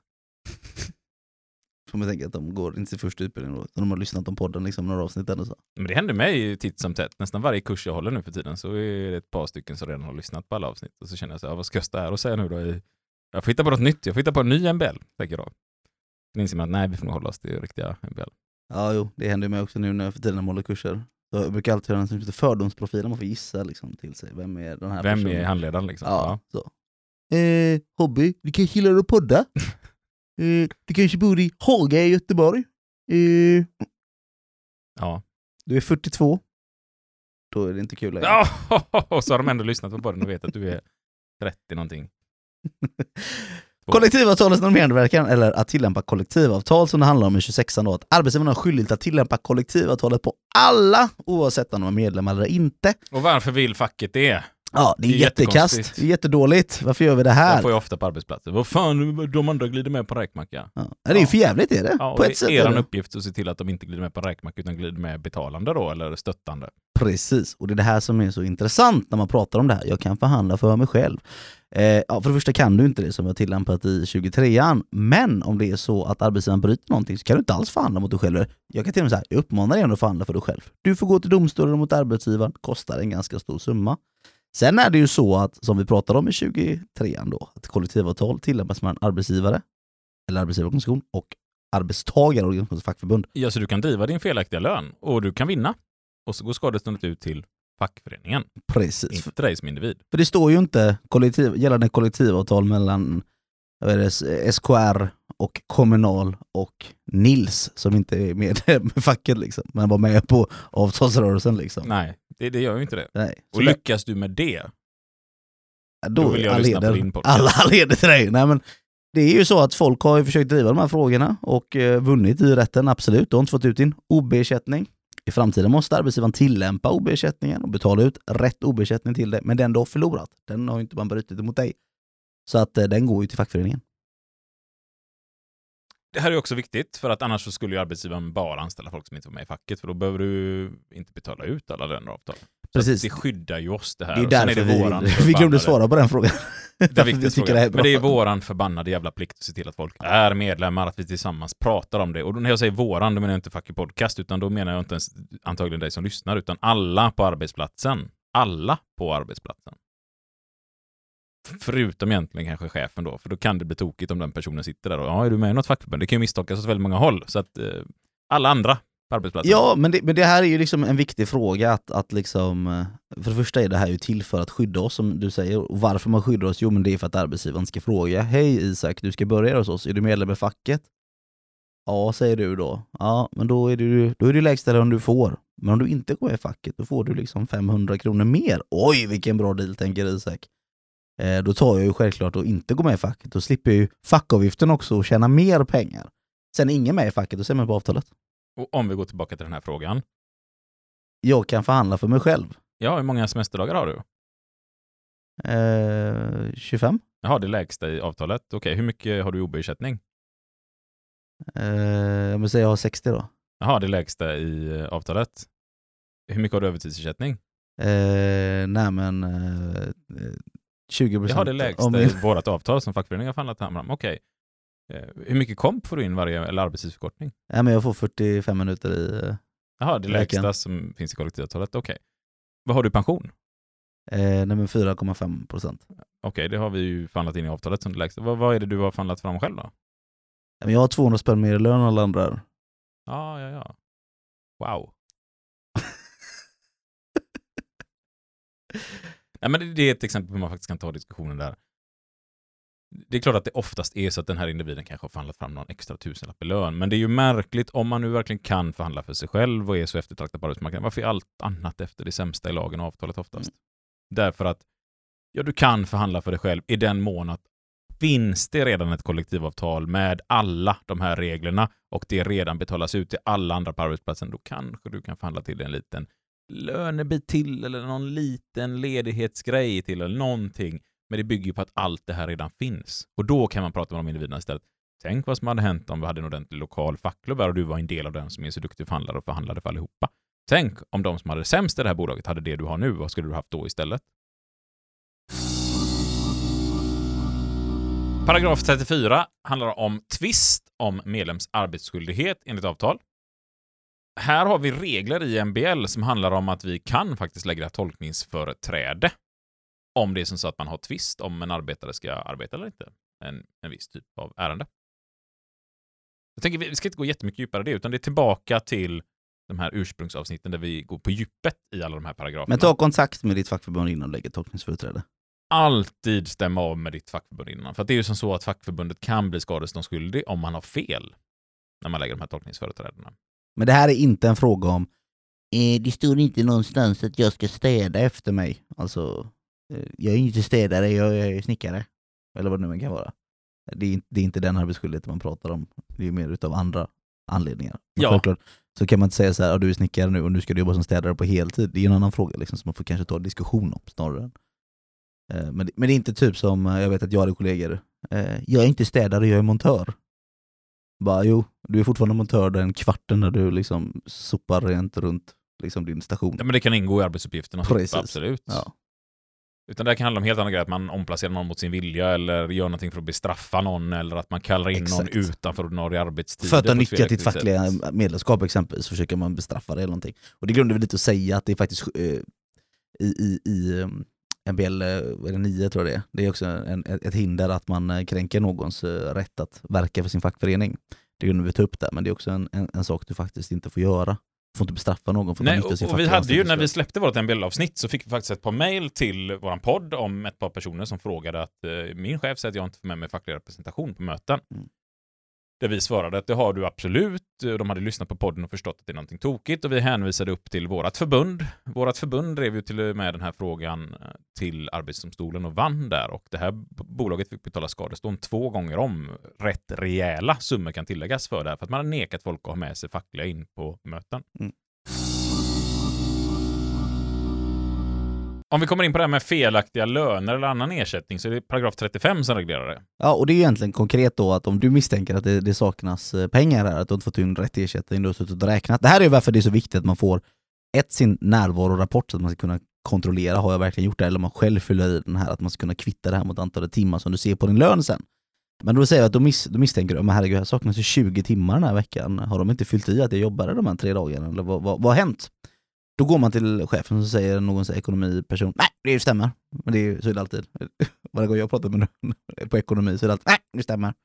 Men om du säger att det är det här, då är det arbetsgivaren som har skyldighet att påkalla till tvist att de anser inte att eh, de behöver betala ut rätt ersättning.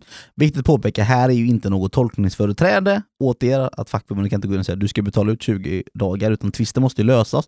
Men det är arbetsgivaren som har skyldighet att kalla till förhandling, att påvisa, och bevisbördan ligger alltså hos dem att de har betalat ut rätt till dig. Så rådet till alla arbetsgivare, om en anställd tycker att det är någonting tokigt med min lön, för min lön, kalla till en förhandling, titta på det tillsammans.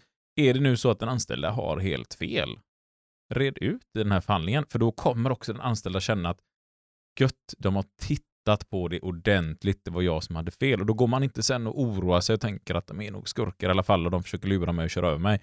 För det är så många som tyvärr känner så. Och så är de misstänksamma sen resten av sin karriär. Red ut det ordentligt. Det är värt att göra det även om man tycker att herregud, det är inte så komplicerad fråga, han har bara räknat fel.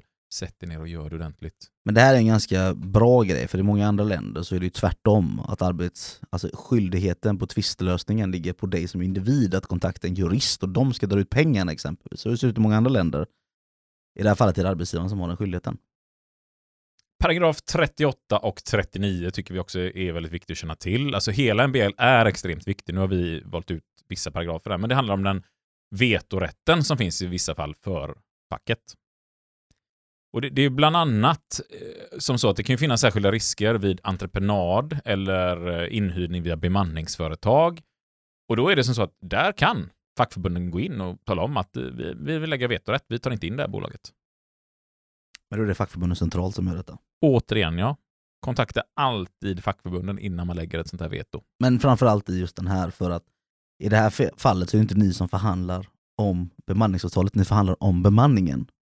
Och då gäller det att säkerställa att vissa frågor, att de har de, betalar skatt i Sverige, har de kollektivavtal och sånt där för att fackliga vetot ska kunna läggas överhuvudtaget. Och därför är det viktigt att det är ni som inte gör detta utan att det är er arbetsgivare som gör det. Men det är alldeles uppenbara här. Man ska ha kollektivavtal. Och visst kan det finnas något enskild stackars bransch där man hittar inga företag med kollektivavtal för det finns bara fyra stycken undervattenspianostämmare i hela världen och de är egenföretagare och har inga anställda. Nej, men då kanske det är okej om man nu behöver stämma ett piano under vatten någonstans. Men i övrigt, använd kollektivavtal. Se till att det är företag med kollektivavtal. En powerpoint-slide som jag har missat att lägga in. Jag tar på mig det här nu. Vad är det Sebastian? Prioriteringar hos dig hör. Prioriteringar. Fredsplikten då, 41 som eh, säger konkret då att arbetsgivare och arbetstagare som är bundna av kollektivavtal får inte vidta eller delta i konflikt. Det är alltså enbart den centrala organisationen som kan gå ut i konflikt och välja att ta ut någon i konflikt, det vill säga lockout eller så. Er arbetsgivare kan alltså inte lokalt, om de är bundna och anslutna till ett, eh, en arbetsgivarorganisation, säga så här, vet ni vad, ni får inte komma till jobbet, ni är lockoutade. Och, och jag tycker att det ändå finns en form av rimlighet i det här, för att det hade nog inte blivit några tecknade riksavtal om man tecknar ett riksavtal och sen kan de alla klubbar under göra som de själva vill ändå och inte behöva följa det. Då tror jag att då hade vi inte haft riksavtal, utan då hade man bara haft lokala avtal på arbetsplatserna. Eh, Och det, kanske att vi hade haft en mycket starkare organisering då och att det kanske hade funkat ändå, absolut. Men eh, skulle man ändra det över en natt så tror jag att det inte hade sett så bra ut på många ställen. Precis. Så att eh, den här fredsplikten finns där, den ska definitivt eh, följas. B- bry- bryter man mot det här, ja då kan man ju kolla på vissa orderdomar, vad säger de om att bryta mot 41 Vink, vink, vink. Ja, Nej, men, och det och det är viktigt att tänka här att man får som fackförening aldrig gå ut och uppmana till någonting. Eh, Sen finns det ju vilda strejker där folk själva har, eh, och det har vi faktiskt pratat om i podden, att det, det har vi ju lovat att vi ska försöka göra ett avsnitt om också. Och då sa Jim inte heller att det får ni inte sitta och lova, utan han sa att det tyckte han var vettigt. Eh, vad händer vid en vild strejk? Och det är ju, fackförbunden kan ju aldrig stå bakom något sånt, för att vi har den här fredsplikten, vi har tecknat våra avtal och det ska värnas åt båda håll, precis som att vi kan inte ha arbetsgivare som bara, jo, jo vi tecknade ett kollektivavtal, men vi följer ju inte det här. Det är ju för de andra i branschen, utan vi vill ju inte betala så höga löner, så vi skiter i det. Och det går åt två håll. Eh, och de här vilda strejkerna, då, då är det ett personligt skadestånd individerna som gör den här vilda strejken kan åka på. Och det kan ju vara allt från, eh, utan att dra i för mycket nu, ni får ta med en liten nypa salt, men det är väl någonstans mellan 2 000 kronor till 5 000 kronor man kan åka på i skadestånd. Individen. Individen. Vi hade som ambition att försöka hålla den här, pod- eller här avsnittet, som är en crash course, på under två timmar. Ja. Jag ser nu att vi inte ens är uppe i en och en halv timme. Så nu kan vi prata om utveckling. Då får man ju komma ihåg att de 40 bara, herregud det här är väl inget kort avsnitt? Nej, men det här är också typ sex avsnitt ihop smockade. Ja, och vi har ett helt avsnitt som handlar just om utvecklingsavtalet som vi tänkte gå in på. Så att det här blir verkligen, verkligen en crash course på utvecklingsavtalet här. Vi kommer missa jättemycket i utvecklingsavtalet. Men utvecklingsavtalet, lite kortfattat, det är SAF, LO och PTK. Så det här gäller ju för de allra största delarna i, i vårt land, men inte överallt. Så där behöver man också dubbelkolla, gäller utvecklingsavtalet för oss, eller inte? Var inte orolig du som jobbar under någon annan bransch, det finns även ett utvecklingstal för dig med största sannolikhet. Jag vet att TCO har exempelvis också. och de som inte omfattas har andra samverkansavtal exempelvis som, som reglerar de här frågorna med. Så att det gäller att kolla upp det här. Men, men, men det här är ju typ tio år efter medbestämmanlagen kom så kände man att nej, men vi behöver förtydliga det här lite mer och jobba med lite andra saker. Att lite mer där parterna sätter sig ner och diskuterar. Vad vill vi med MBL? Lite Och Eh, Sveriges utveckling. Ja, men lite vadet på huvudet kanske man ska säga. Hur kan vi jobba med de här effektiviteten och lönsamheten och konkurrenskraften? Alltså hur får vi eh, ta del av det här och hur kan vi vara med och påverka i flera olika nivåer och led? Och, alltså hur kan man säkerställa att alla människor i vår organisation är en del av det vi rör oss i? Alltså när vi pratar, pratar företagsorganisationen, inte Ja, precis man pratar om att en effektiviseringsprocess inom svensk eh, arbetsmarknad också kräver aktiv medverkan från alla som arbetar i företaget. Hur får vi då med oss alla i detta? Ja, men vi kan ju inte ha fackförbund då som när man säger så här, men nu har vi uppfunnit en maskin här som eh, gör att vi kan sy kläder tio gånger snabbare. Och så har man fackförbund som säger, nej, då blir vi av med våra jobb. Så där har ju någonstans vi i Sverige sagt att ja, men då blir vi av med våra jobb och så får vi fördela resurserna på annat sätt. Om det innebär mindre arbetstid, om det innebär eh, bättre socialförsäkringssystem. Svenska samhället ska inte kollapsa på grund av detta, utan då får vi dela på jobben eller vi får hitta på någonting. Men också även att den säger att ja, nu har vi hittat en, en maskin som kan sy kläder tio gånger snabbare eh, och ni kommer alla bli av med jobben för att ni kan inte den här maskinen. Så säger den också att det ska finnas en kompetensutveckling i det. Och just nu pratar man att AI kommer bara inom kort att ta över 30 miljoner jobb i Europa. Ska man då ha massa människor som säger nej, vi ska fortsätta och sitta och göra korrekturläsning, vi går inte med på att ha så här korrekturläsningsdataprogram. Eller ska man säga, vad bra, då kan vi vara lediga, plugga, göra helt andra saker och bara leva och ha det gött och dela på vinsterna. Det är ju den stora frågan. Sen vet ju jag med mig att i rätt många länder kommer man inte dela på vinsterna. Och här är ju det viktigt att vi som fackförbund är engagerade både politiskt och på arbetsplatserna, Även internationellt även internationellt. Så inte vi bara, och vi vill dela på vinsterna så får man inte det i grannlandet. Liksom. Utvecklingsavtalet pratar också om att det ska finnas ett förtroendefullt samarbete mellan de anställdas fackliga företrädare och arbetsgivarens representanter. För det här är avgörande för utvecklingen av arbete och medbestämmande. Så att här talar man någon också om att vi behöver samarbeta. Vi måste verkligen göra det. Sen är det alltid två som krävs för ett samarbete, minst. Det är svårt att en part bara ska samarbeta, eller bara en part ska komma överens med den andra parten. Den här behöver gå åt två håll. Och det säger det här avtalet. Det är en ganska bra förstärkning. Det pratar om tre områden. Utvecklingen av arbetsorganisationen. Det är den tekniska utvecklingen och det är företagets ekonomi och resursfrågor.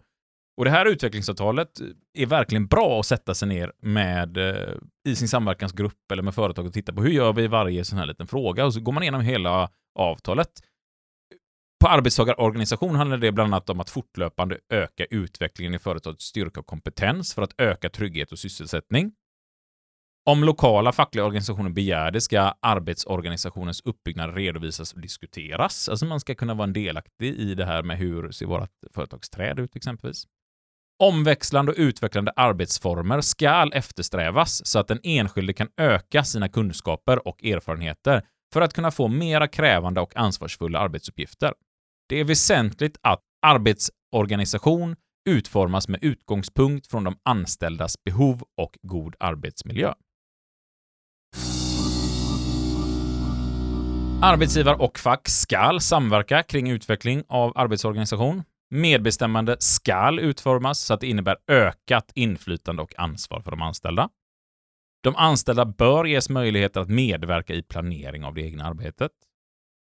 Exempelvis produktionsfrämjande åtgärder, införande av lagarbete, grupporganisation, arbetsväxling eller arbetsutvidgning.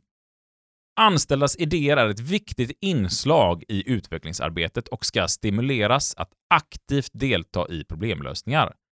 Effektivt, rationaliseringar, planering, arbetsorganisation, teknisk utveckling och energihushållning.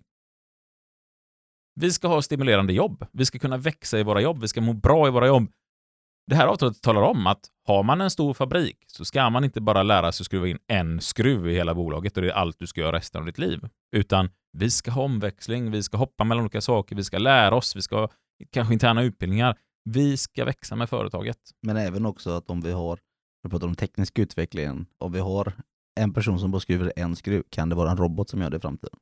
Kan den personen istället för lära sig att laga roboten? nu är ju återigen tillbaka till industrin, men det är inte det det handlar om. Det handlar ju om allt egentligen när det kommer till det här. När vi tittar på den tekniska utvecklingen, då handlar det om att parterna ska fortlöpande tillvarata teknisk förnyelse, vinna framgång, trygga arbete och anställning. Så här är vi liksom överens om att vi ska ha den nya tekniken. Vi ska använda den nya tekniken. Vid teknisk förändring ska ett gott arbetsinnehåll eftersträvas, liksom de anställdas kompetens. Anställdas kunskaper ska tas tillvara, samt deras möjligheter till samarbete och kontakt med arbetskamrater. Så vi ska liksom inte ersätta kontakter mellan människor, utan får vi nu system som gör att vi inte kan träffas, då måste vi hitta punkter som gör att vi kan träffas i olika sammanhang. Vi kan möta varandra, prata om saker och ting. Och kan vi så är det vi själva som ska ha hand om maskinerna, serva maskinerna själva. Det gör ju många bolag på ett väldigt bra sätt. Man har egna servicegrupper. Den här personen som står med en viss maskin, den är också den som kanske servar den och sköter den, så att man inte bara står och trycker på en knapp dagen ända och det är allt man gör. Nej, men vi ska jobba med de, de nyaste moderna sakerna och vi ska också vara med i den tekniska utvecklingen allihopa. Och här säger också utvecklingsavtalet att när man tittar på nya sådana här saker, men då ska vi sitta med i projektgrupper exempelvis. Och vi ska vara med och titta på konsekvenserna av de här nya maskinerna. Så det är starka skrivelser, så fantastiskt bra avtal egentligen. Sen har vi företagets ekonomi och resursfrågor och då handlar det om att vi ska ha information och insyn i företagets ekonomiska situation. Man, man, skriver här att det är en betydelsefull utgångspunkt för samverkan, inflytande och utvecklingsinsatser. De anställdas erfarenheter och kunskaper exempelvis rörande produktionsutrustning, kvalitet, arbetsmetoder och inköpsfrågor kan därigenom nyttiggöras. Detta bidrar till stärkt konkurrenskraft för företaget. Jag tycker det är grymt att vi är överens om det här. Det här känns nästan, tycker jag, när man läser detta, som att det är ett arbetarägt företag som har någonstans kommit fram till att okej, okay, vi ska bygga en organisation. Hur gör vi så att alla känner sig som en del och trivs i bolaget och gör sitt yttersta för att det här bolaget ska gå bra? Och så har vi någonstans på arbetsmarknaden kommit överens om att men det är så vi ska driva alla företag i Sverige, för det är viktigt för Sveriges framgång. Facklig organisation ges insyn i företagets ekonomiska situation, planering, budget och uppföljningsarbete. Därigenom ges de fackliga företrädarna på ett tidigt stadium möjlighet att medverka med idéer och förslag och därigenom påverka företagets framtid. Företagsledningens framtidsbedömning ska redovisas så facklig organisation får möjligheter att gemensamt med företagsledningen behandla och bedöma företagets marknadsutsikter, inköpsverksamhet, konkurrensläge, produktutveckling, produktionsutrustning samt de anställdas trygghet och utveckling i arbetet. Man pratar här också om att en fråga av särskild vikt i många företag är energiförbrukningen. Den kan jag tycka, va? Har vi till och med fått in det här i ett avtal? Men, men här man Jag tyckte inte jag var så konstigt när man läste det här. Jag tyckte det var konstigt rättare sagt när man läste det här för typ så här fem år sedan. Liksom. Idag, Idag med väldigt- elpriserna så är det klart att det kan, kan vara en viktig fråga och, och miljön och allting. Men, men här är vi överens om att för någonstans så har arbetsgivaren insett att om folk har fått vara med och påverkat detta och insyn i detta, då kommer ju med högsta sannolikhet också att man kommer uppnå en god energihushållning i, i fabriken eller vad det kan vara. Då kanske man inte står där så här, men du, vi sätter igång alla element på det varmaste och så har vi fönstren öppna samtidigt. För om man har förståelse för att ha det kostar pengar, det gör att det blir dyrare att driva bolaget, det minskar vårt löneutrymme och det minskar vinsten för företaget. Det här kanske är sånt vi kan snåla ner på, men då vill vi gärna insyn i vart tar de här pengarna vägen. Får vi en del av det, eller är det bara någon annan som tar de här pengarna? Och och jag lovar, alltså, ge en del av det här man sparar in till personal i lönesystem, så, så kommer ni se att folk är intresserade av att liksom energihushålla. Mm. Men är det som så att ja, men du har ingen, vi respekterar dig inte här och vi skiter i vad du gör, men du ska se till att snåla på värmen, eh, då kommer det bara bli grinigt, kan jag lova. Man pratar också om MBL-formerna i utvecklingsavtalet. Man pratar om det lokala ansvaret eh, och de former som finns där för samverkan och medbestämmande. Man pratar mycket om delegering, hur det ska gå till. Man pratar också om den här fem timmar facklig information på betald arbetstid. Det är en viktig del som finns med i det här avtalet.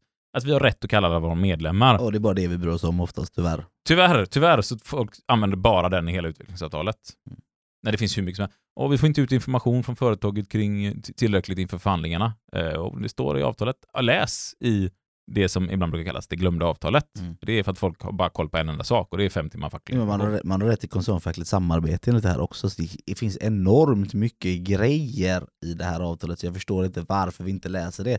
Det är så himla viktigt, detta avtalet.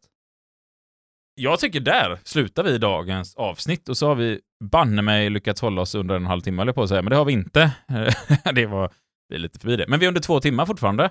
Så det är en crash course i medbestämmandelagen. Vi har lyckats hålla nere en eh, femdagars MBL-utbildning på under två timmar. En high five på det. Kanske inte ni hör i podden, men vi gjorde en high five precis. Kändes rätt coolt. Något annat som är riktigt, riktigt, riktigt coolt, det är att just nu finns det en tävling. De fem första personerna som swishar in 200 kronor till podden får gratis medlemskap i ett helt år. Men för alla andra som, som inte vinner tävlingen så kan man ju swisha in valfri summa. Ja, då väljer man själv vilken medlemsavgiften ska vara. Ja, och då är man också medlem ett år. Men då måste man ju swisha in i alla fall en krona, så det kommer ju bli dyrare. Så är det ju. För att vi ska kunna driva podden så behövs det lite ekonomisk stöttning och eh, det gör man genom att swisha in till 123 09 084 26. Man kan också mejla fuckyoupodcast.gmail.com och eh, ställa frågor eller ge oss tips och idéer på gäster. Det har kommit in massa sådana. Ha tålamod ni som har skickat in. Vi har kontaktat flera av de här individerna. Det finns bokat fram till sommaren och lite efter sommaren och sådär också. Så att det kommer, det kommer, det kommer. Det är ju tiden vi ska lägga. Ja, nu det, sitter det vi här. låter så tråkigt när man sitter och tjatar om det här och, och, och det är klart att ja, men de måste väl ha fått tillräckligt mycket pengar nu. Nej men det låter som att ingen av oss tar utan betalt för den här podden. Vi får inte någon lön för att göra det här. Men vi bjuder våra gäster på käk ibland. Det är det vi egentligen gör. Det är egentligen det vi gör, för våra gäster får inte heller betalt. Vi får inte betalt, vi klipper inte, får inte betalt. Vi gör det här på helger, vi gör det här på kvällar. Så att det är därför vi ber om er stöttning och hjälp egentligen att kunna bedriva podden. För att podden kostar. Och framförallt så vill vi kunna resa runt lite mer och intervjua som vi sagt ett par gånger. Och nu, jag har varit och rest lite här nu och intervjuat lite Men det kan vara viktigt att man alltså annat. förklarar. Alltså, så Ja. det, det är ju inte så att det, det, det här är, är, är någon miljonverksamhet där vi har Det är det inte än. Och vi har en eh, förening som man Även blir medlem Isak i. bor i en liten mindre herrgård eh, Ja. så bor han ju inte i Göteborg. Nej. Han bor ju utanför Göteborg. Det är ju hemskt. Mm, jag tror inte man kan kalla det herrgård. Hur som helst, stötta gärna podden så slipper vi ta in reklam. För nu, jag kan säga så här, jag kan varna er lyssnare, ni som är som mig och hatar reklam överallt annat på jorden. Och hellre få stopp på reklamen, krig på jorden. Nej, så illa är det inte. Men det, reklam är det värsta som finns. Sebastian och Jim börjar försöka övertala mig. De har hållit på nu i två, tre års tid och försöker övertala mig om att vi ska köra med reklam. Ehm, så att stå på er nu gott folk. Swisha in en liten slant. Och ni väljer själva eh, hur mycket ni vill vara medlem för. Man är medlem ett år och man kan välja 10 kronor. Man kan också swisha in en tusenlapp eller 500 eller 200. Eller något. Det är man helt fri att avgöra själv. Med de orden sagt så kan man också bli föreningsmedlem. Och det har vi nu ett par föreningar som har gått in och blivit medlemmar och då kan man ju gå in med lite, kanske lite större kapital. Vi intervjuade ju förra avsnittet eh, Louise, eh, förste vice ordförande på Elektrikerförbundet och då försökte jag kuppa in där att de skulle ta beslut på sitt årsmöte. Nu var det det lokala repskapet i avdelning 10 här att de skulle gå in med en miljard, eller en miljon tror jag det var. Jag var lite schysst ändå sådär. Och försökte kuppa in det men eh, ja, det var väl som så att dagordningen redan var slut och sådär så det hjälpte inte att de ropade ja till det men, Men kongressen har inte varit än så vi vet ju inte. nej, men vi får väl Får vi se. eller inte? Det var våran lilla så kallade Joakim Lamotte-session i det här avsnittet. Vi Som är tillbaka. pengar av. Är han det? Han är tillbaka Ja, då igen. kanske ska sluta prata med honom. Ska vi avsluta med något kul?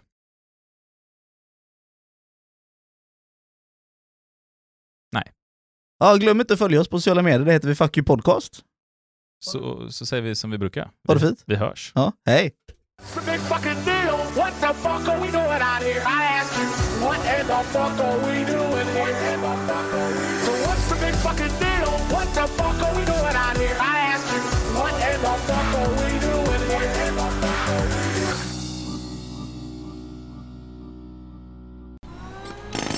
Håller du på och bygger om och är trött på höga renoveringskostnader? Då ska du kontakta oss på Kristerssons Bygg. I över 30 år har vi jobbat med kollektivavtalslösa aktiebolag och konkurser för att slippa betala för semesterdagar och dyra kollektivavtal. Vi skräddarsyr en lösning för dig. Kontakta oss på fulltösavtalslös.se. Wow! Det kan ju inte bli bättre det här. Tummen upp. Kristerssons bygg. Ja, för helvete. Prospish terastra piqua chapo. Har du också anställda som säger att radonmätningarna tyder på farlig strålning? Att man inte får arbeta på tak utan sele? Eller att kontorets vattenläcka måste åtgärdas? Kanske är du som oss på MBF och tycker att det går ändå. Tveka inte, kontakta oss så skickar vi dig en HR-specialist redan idag. Obs! HR står för hot och repressalier och saknar hos kompetens. MBF Management by Fear since 2008. Middag med 13 lärjungar? Eller bara en student? Ja, alla bord du kan tänkas behöva har vi. Modern design till gammeldags pris. Kom till oss på Guds 10 bord. Din bordaffär på nätet.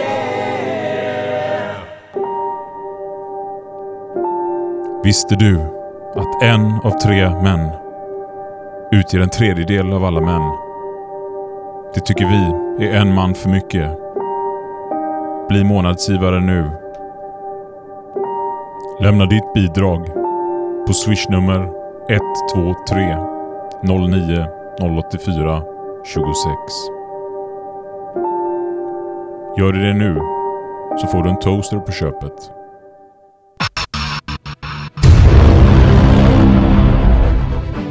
Fem elitidrottare. Fem tolvåringar. I världens farligaste öken. Nio dagar utan vatten. I 50 grader hetta. Kan du överleva bättre än en femteklassare? På Nätkasino Reklam-TV i höst. Missa inte nu i höst. Eh. Sverige-Liechtenstein. Sverige-Malta. Sverige-Paraguay. Från 20 Sverige-Georgien. Sverige-Namibia. Sverige-Uzbekistan. gå! Det är 4-2 för Sverige och Zlatan gör alla! Sverige. Azerbajdzjan. I kvalet till sidningsgruppen till Nations League, som är sidningstävlingen till kvalet för VM. Det blir mål! Det blir mål! Det är det värsta jag har sett! Det är inte klokt! Han cyklar in den där från 20 Missa inte heller Tour de meter. France.